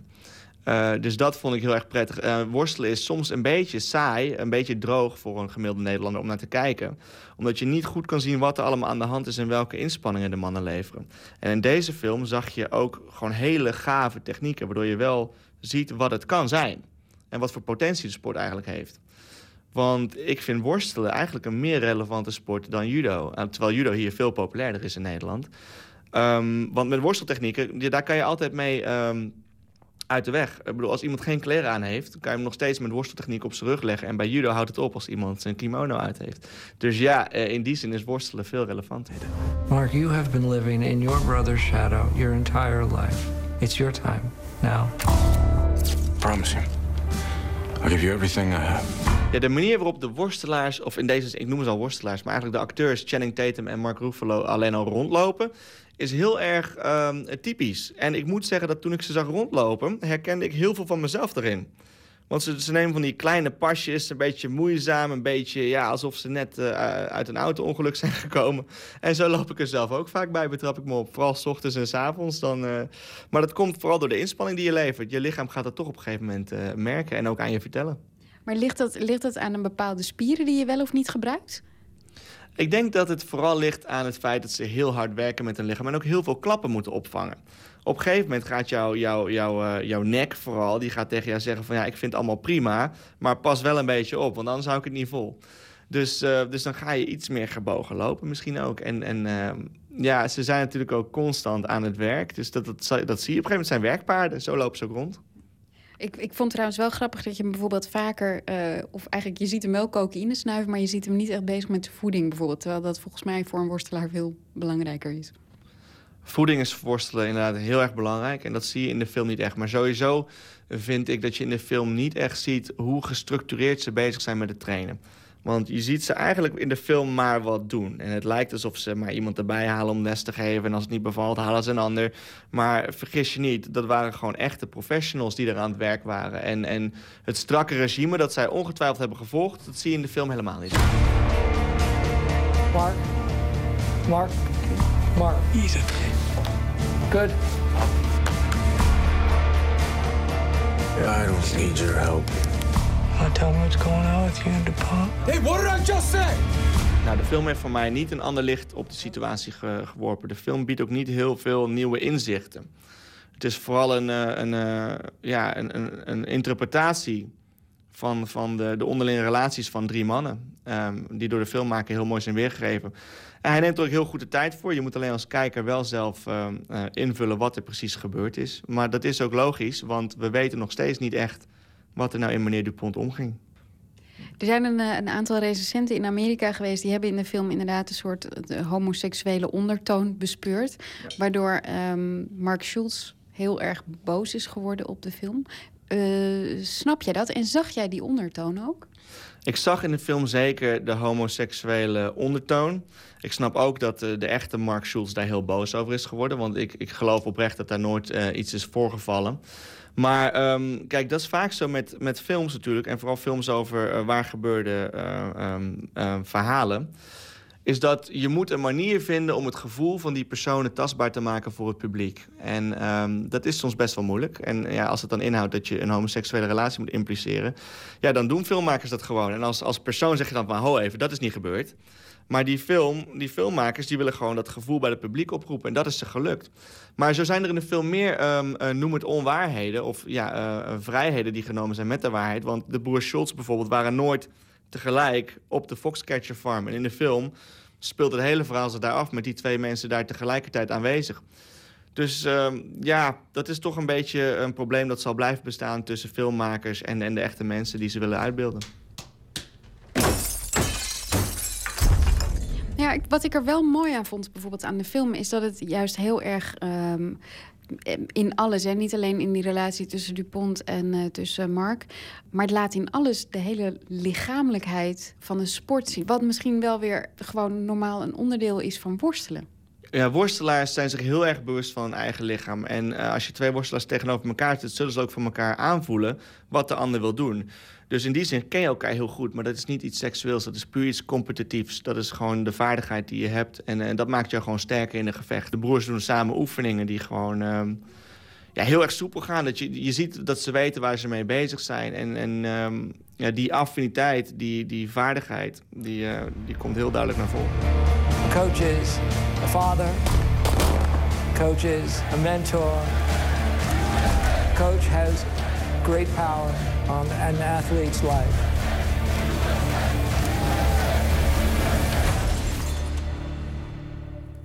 Worstelaar en uh, film- en televisiewetenschapper Emil Sitocci was dat over uh, Foxcatcher, een film die vanaf heden te zien is in de bioscoop. In 2001 uh, bracht zangeres India Arie haar eerste album uit. Het was een spectaculair debuut, Acoustic Soul, meteen genomineerd voor zeven Grammy Awards. En uh, ja, wat moet je dan doen na zo'n uh, spectaculair debuut? Toch maar terug naar uh, het eerste album. Daarom Back to the Middle is daarvan de titel van het liedje dat wij nu draaien van India Uri.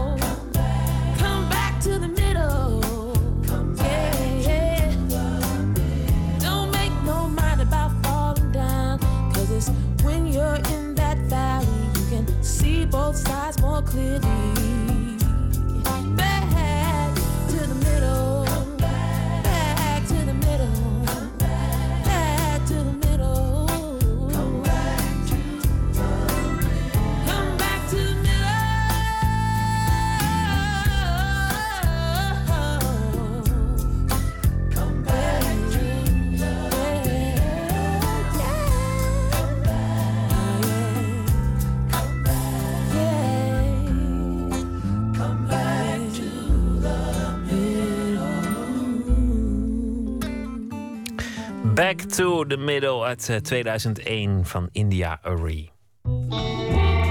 Nooit meer slapen.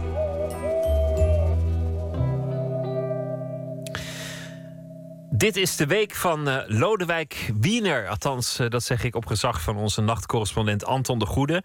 Drie nieuwe boeken verschijnen er deze week van deze schrijver. En bovendien is het ook de 70ste verjaardag van Lodewijk Wiener. Een schrijver die ook voor eh, de VPRO-radio heel veel verhalen heeft voorgelezen in de loop der jaren. En toch wordt hij niet alom gezien als een van onze grootste schrijvers. Anton de Goede, goeienacht. Goeienacht, Pieter. Lodewijk Wiener, Ehm, vertel. Wie is het? Ja, Lodewijk Wiener. Nou, eh, veel titels van hem hebben in het verleden niet zo heel goed verkocht.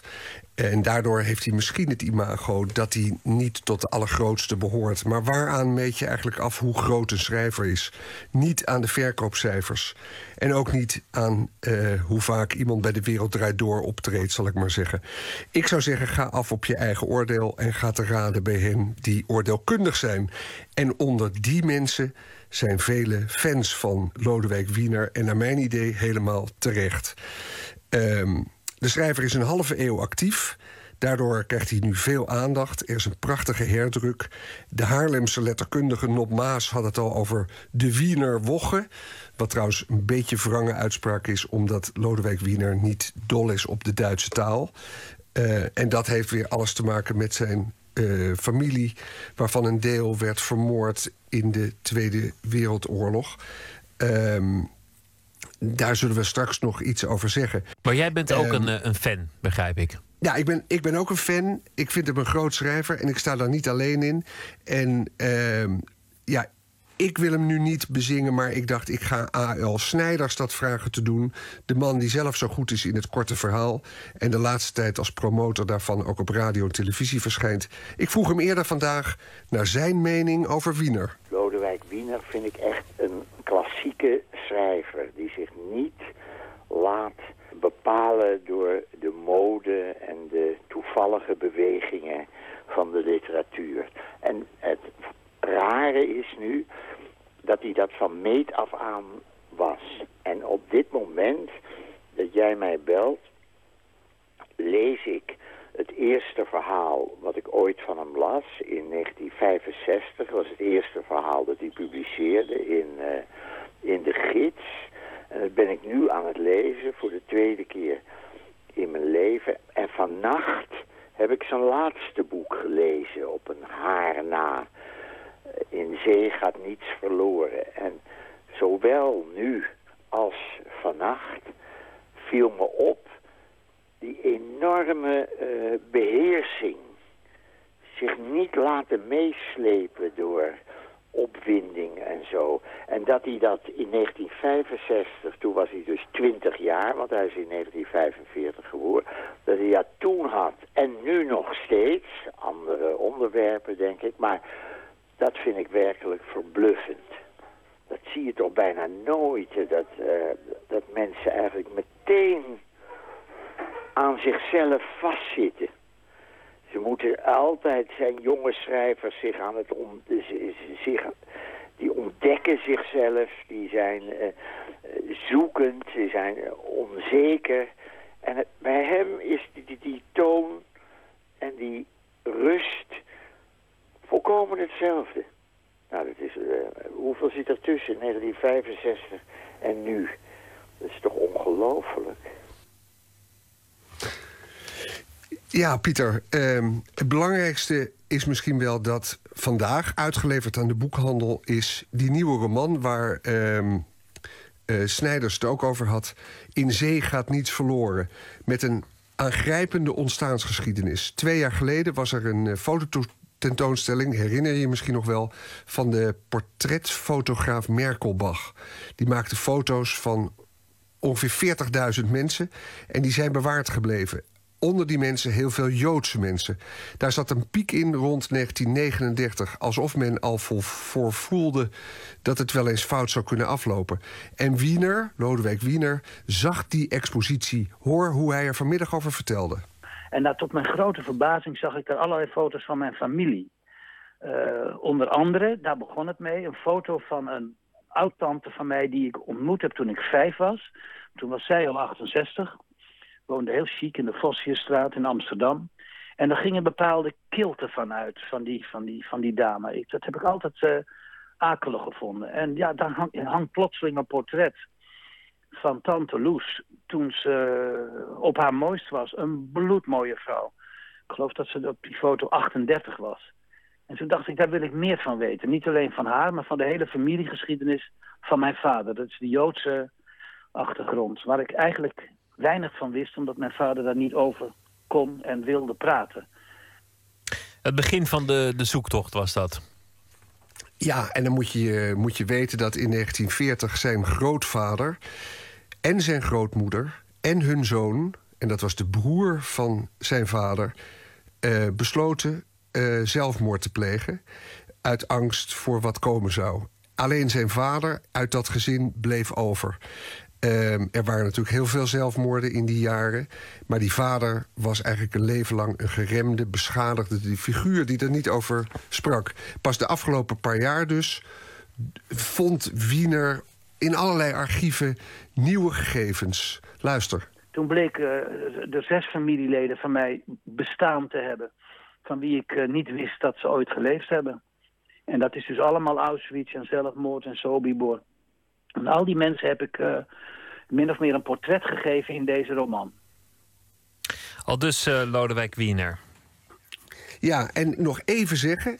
Twee antiquariaten richten ook hun schijnwerpers op het werk van Lodewijk Wiener, die dus al een halve eeuw schrijft. Hinderiks en Winderiks in Utrecht en het antiquariaat Focus Holthuis in Den Haag. En die hebben catalogie gedrukt eh, met de prachtigste boeken, met manuscripten, met typoscripten, met brieven. Ehm, een polemiek tegen Willem Frederik Hermans. Je denkt, waar komt het allemaal vandaan? Wiener zei daar dit over. Ik heb dat spul een aantal jaren geleden verkocht. Eh, toen had ik geld nodig. Zo eenvoudig is het.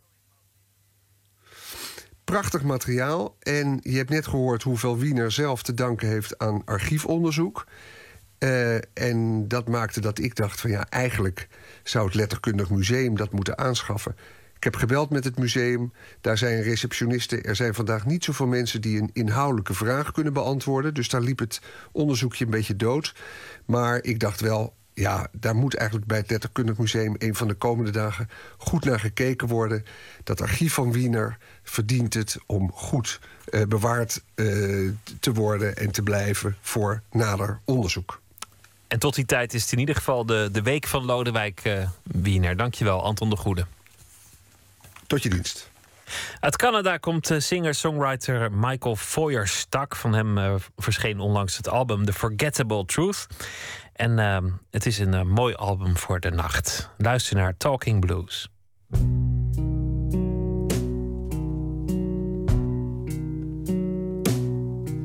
There's a part of me that covers too much, and a part of you gets kicked up like dust. Gone down on lovers before, and it always slips into tomorrow. The songbird that suddenly talks,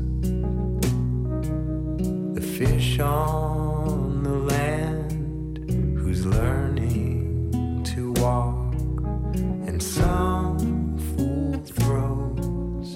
him back in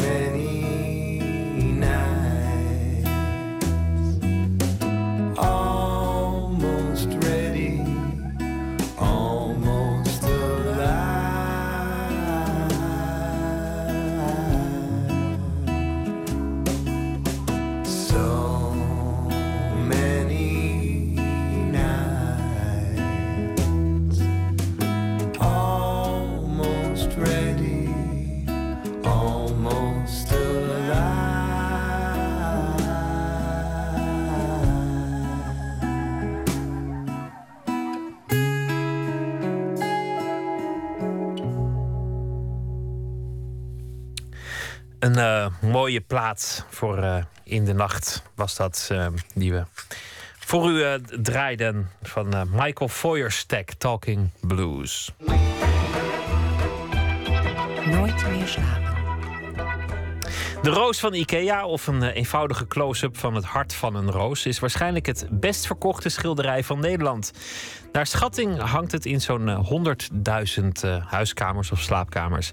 Heske ten Kaat is kunstenaar en hoofdredacteur van kunsttijdschrift Mr. Motley. En is een blad dat aandacht besteedt aan kunst en het verband met het dagelijks leven.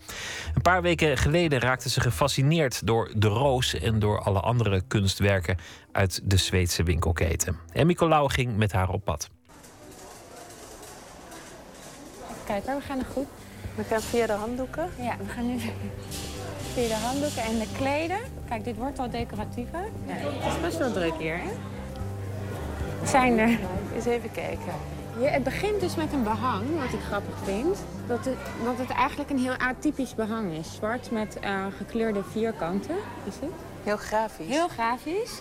En eigenlijk vaak zijn behangetjes inderdaad heel zacht en wit. En, en dit is gewoon zwart met hele felle kleuren. En dit, dit heeft best wel veel linken naar de beeldende kunst. Bijvoorbeeld modernisme of zo. En dan komen we bij de tulpenafdeling. Eh, met als leuke toevoeging dat je die zelf mag inkleuren. Dus voor de creatieve decoreerder. Nou, dit is een mega pop artwerk. Eh, nou, dan hebben we een mooie letterlijke kopie van Gustav Klimt.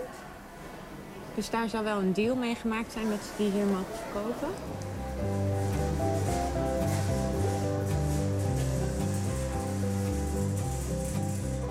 Twee weken geleden, toen, stond, toen was het heel koud en ik stond mijn fiets te ontkoppelen of van het slot af te halen, maar dat lukte niet. En toen kwam mijn buurman naar buiten, die ik eigenlijk niet zo goed ken. En die vroeg of hij me kon helpen. En toen zei hij, nou, ik heb, jij hebt kruipolie nodig, dus kom je even binnen, dan, dan zoek ik dat.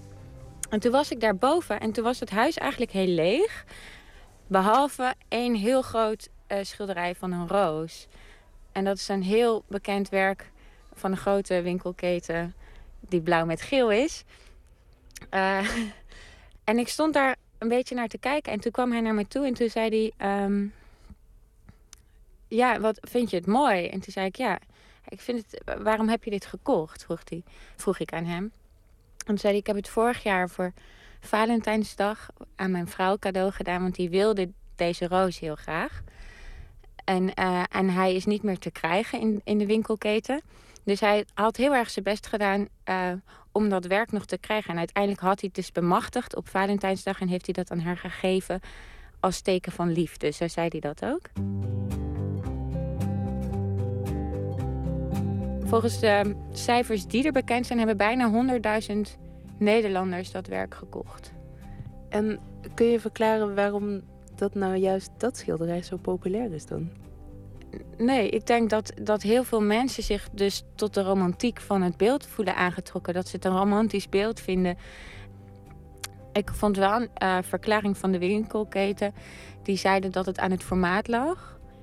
Het is 1 meter bij 1,40 en ze zeggen dat dat het ideale huiskamerformaat is voor een, voor een schilderij. Wat een banale reden om een werk te kopen. of een decoratie dan. Ja, ik vond het. Ik vond het een heel onzinnige verklaring. Ik geloof dat ook niet. Mensen kopen niet alleen op formaatwerk, vast ook. Maar mensen kopen om hele andere motivaties, decoraties of kunst. Ja.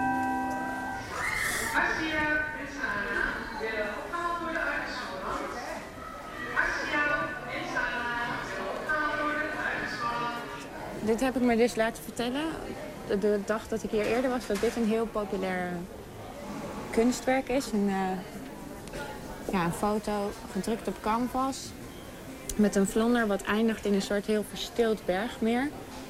Een sepia-druk, ja. Dus nu meneer hem aan het fotograferen. Vindt u die mooi? Nou, ik moet voor een klant eh, wat eh, dingen ophalen. We moeten gewoon wat wanden schilderen en er moet wat leuks bij passen. Dus sereniteit, straalt uit, denk ik. En dat past mooi bij een eh, lichtbruine kleur die we op de wanden moeten gaan smeren. heel veel desolate werken van afstandsfoto's van steden of, of eh, soort verloren bergvalleitjes en grote meren en een, een touwladderbrug do- door de Rimboe. Ik denk allemaal van dat soort werken.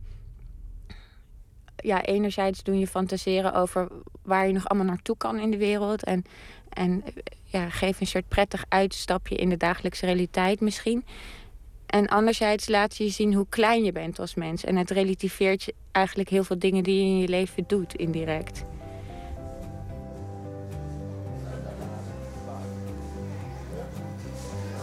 Maar dit is een soort aquarel, doorlopen aquarel. Ik vind het bijna occult werk, waar een beetje antroposofische nat-in-nat schilderij is het eigenlijk. Heel kleurig. Heel kleurrijk. En, en, de, en de kleuren lopen eigenlijk van het papier af. Maar ik vind het fascinerend dat deze winkel dit verkoopt in een enorme oplage. En dat dus heel veel mensen dit kopen, omdat ze dus het best wel. Het is echt super abstract werk. En het is niet alleen maar een mooi plaatje van een mooie vrouw met dunne benen. Je moet best wel je best doen om hier, om hier wat in te zien. Of hier echt enorme eh, liefde voor te krijgen, zeg maar. Nou, zal er vast een kleur in zitten die ook goed bij de bank past. Daar is een duif, die lijkt enorm op de duif van Picasso. Letterlijk peace onder. Give peace a chance staat er. En dan die duif.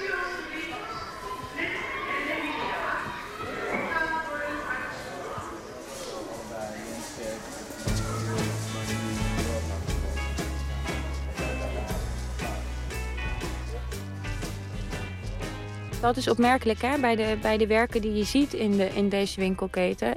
Is bijna elk werk te refereren aan een al bestaand kunstwerk. Ehm, dus ik denk in die zin hebben ze niet echt een opvoedende rol. Maar ik denk wel dat ze een heel goed beeld hebben van wat mensen weten. Of bewust of onbewust. En wat we zien en wat we prettig vinden. Dus een soort totaal besef van ehm, tijdgeest eigenlijk. Dat hebben ze heel goed door, volgens mij. Net als goede kunstenaars dus. Ja. ja, al vind ik wel dat goede kunstenaars vaak nog iets voor, vooruitlopen daarop. Dus die, in mijn gesprekken met de kunstenaars vind ik vaak dat zij al iets signaleren wat, wat nog niet echt ehm, direct in eh, de krant of zo heeft gestaan of in het publiek debat eh, een rol speelt. Maar dat zie je vaak pas achteraf. Dus pas een paar jaar later denk je, verrek, ik heb dit gesprek al gevoerd. Wat was dat ook alweer? En dat je dan denkt aan het gesprek met die kunstenaar die daar eigenlijk al heel lang mee bezig was. Dus soms lijken kunstenaars ook een beetje geïsoleerde wezens. Of ehm, ja, een beetje losstaan van hun tijd of, of de maatschappelijke eh, gesprekken. Maar ehm, heel vaak kan je het later pas plaatsen. 4,99 voor drie schilderijtjes. Dit is ook een beetje Mondriaan achter. Ja. Ja, heel erg. ehm, ja, minimalisme. ehm, hard edge. Dat is ook een, een stroming. Of color field painting. Waar inderdaad gewoon strakke kleuren naast elkaar zijn gezet. Ja, het zijn drie kleuren, rood, wit en blauw. En op elk schilderijtje staat een driehoek. Ja. En je mag zelf kiezen in welke volgorde je het ophangt. Dat vind ik ook. Ja, er is ook geen gedefinieerde Nee. boven- en onderkant. Nee, ook geen handleiding. Dus je hoeft ook niet bang te zijn dat je hem pronkelijk op zijn kop. Nee, precies. Nee, je kan, nou, dat is het fijne. Je bent totaal vrij in dat opzicht als koper. Je, je voelt je eigenlijk nooit dom als je hier een kunstwerk koopt. Wat in de galerie natuurlijk heel anders is.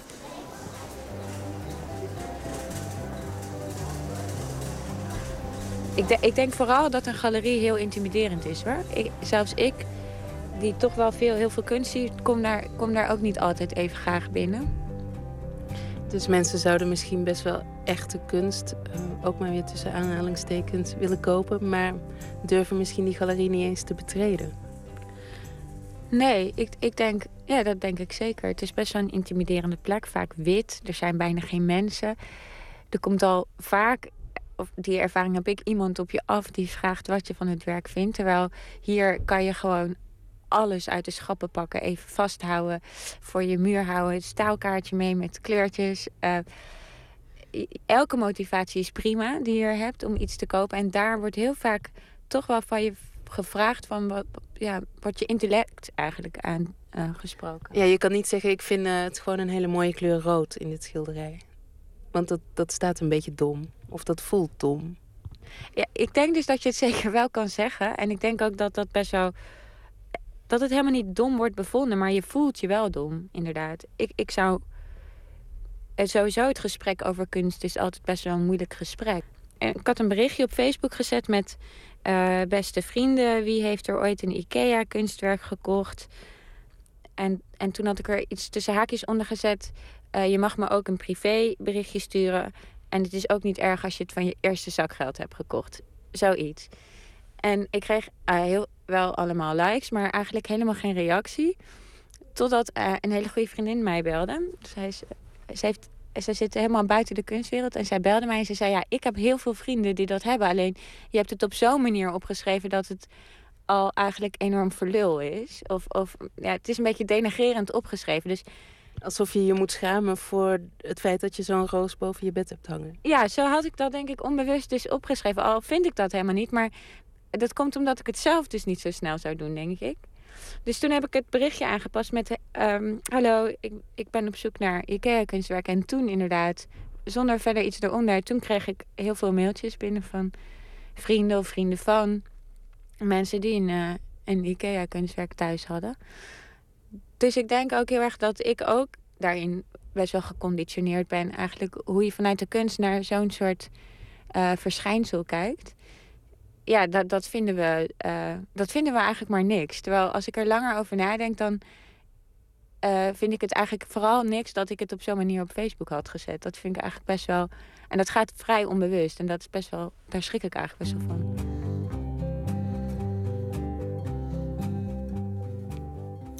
Emmy Colau in gesprek met eh, Heske ten Kate, kunstenaar, tentoonstellingsmaker en hoofdredacteur van het eh, kunsttijdschrift Mr. Motley. En eh, ze probeerde nog uit te vinden wie die roos nou eigenlijk gemaakt heeft. Maar dat is vooralsnog niet gelukt. Wie het weet mag het mailen nooit meer slapen vpro.nl. Helemaal weg geweest zijn ze niet, maar toch leken ze nou ja, ineens weer helemaal terug. De Haarlemse funkband Gotcha voor het eerst sinds 2003 een nieuw album, Back to the Moon. En ook een uitgebreide tour door Nederland. We luisteren naar het nummer Peace.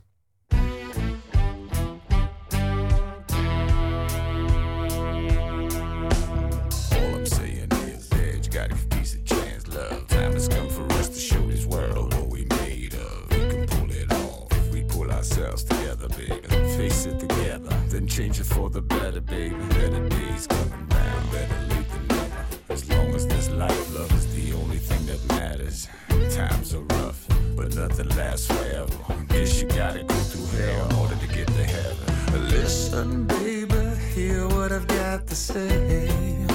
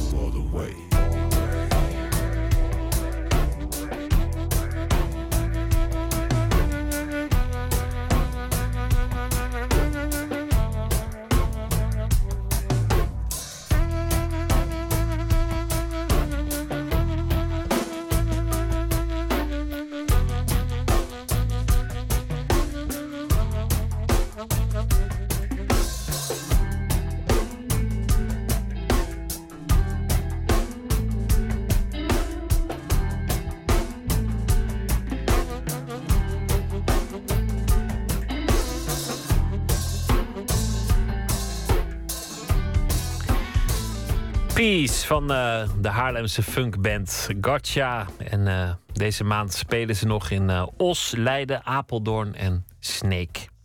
Vrouwtje Tuinman is dichter en deze week zal ze elke nacht een gedicht voordragen. Ze publiceerde afgelopen najaar haar vierde bundel, Sanatorium.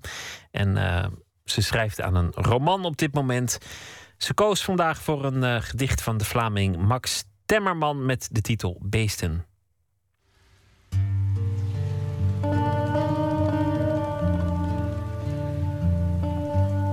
Van Max Temmerman kies ik uit zijn tweede bundel een gedicht. Ehm, het is een beetje een particuliere keuze. Max Temmerman, ik, ik mail heel veel met hem. We zien elkaar eigenlijk nooit. Hij woont in België. Maar we mailen heel vaak over gedichten. En dat kan ik met bijna niemand. Dus dat moet haast iets betekenen. Ehm, het gedicht Beesten, wat ik zo voorlees, ehm, is ook leuk omdat in mijn eigen laatste bundel een gedicht voorkomt waarin eigenlijk precies het omgekeerde staat.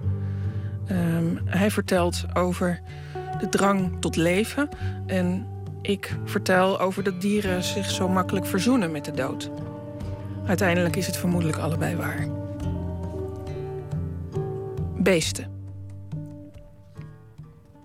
Wat ons onderscheidt van beesten is dat wij zo snel opgeven. Eén tik en we vragen smekend om een onderbreking. Of we geven forfait.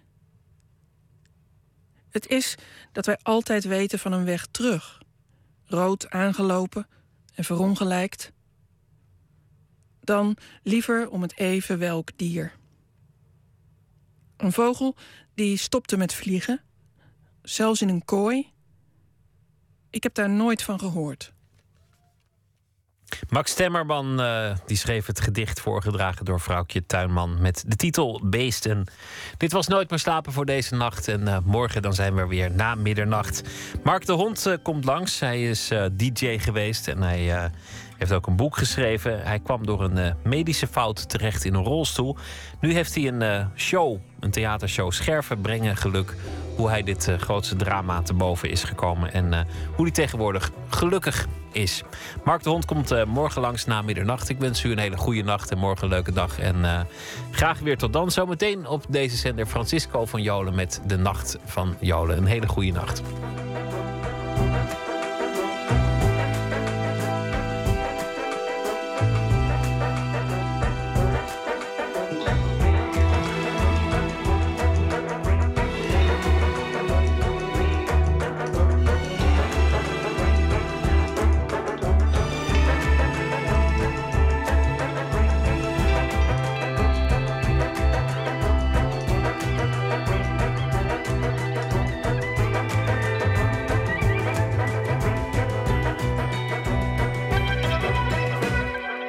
Radio 1, het nieuws van alle kanten.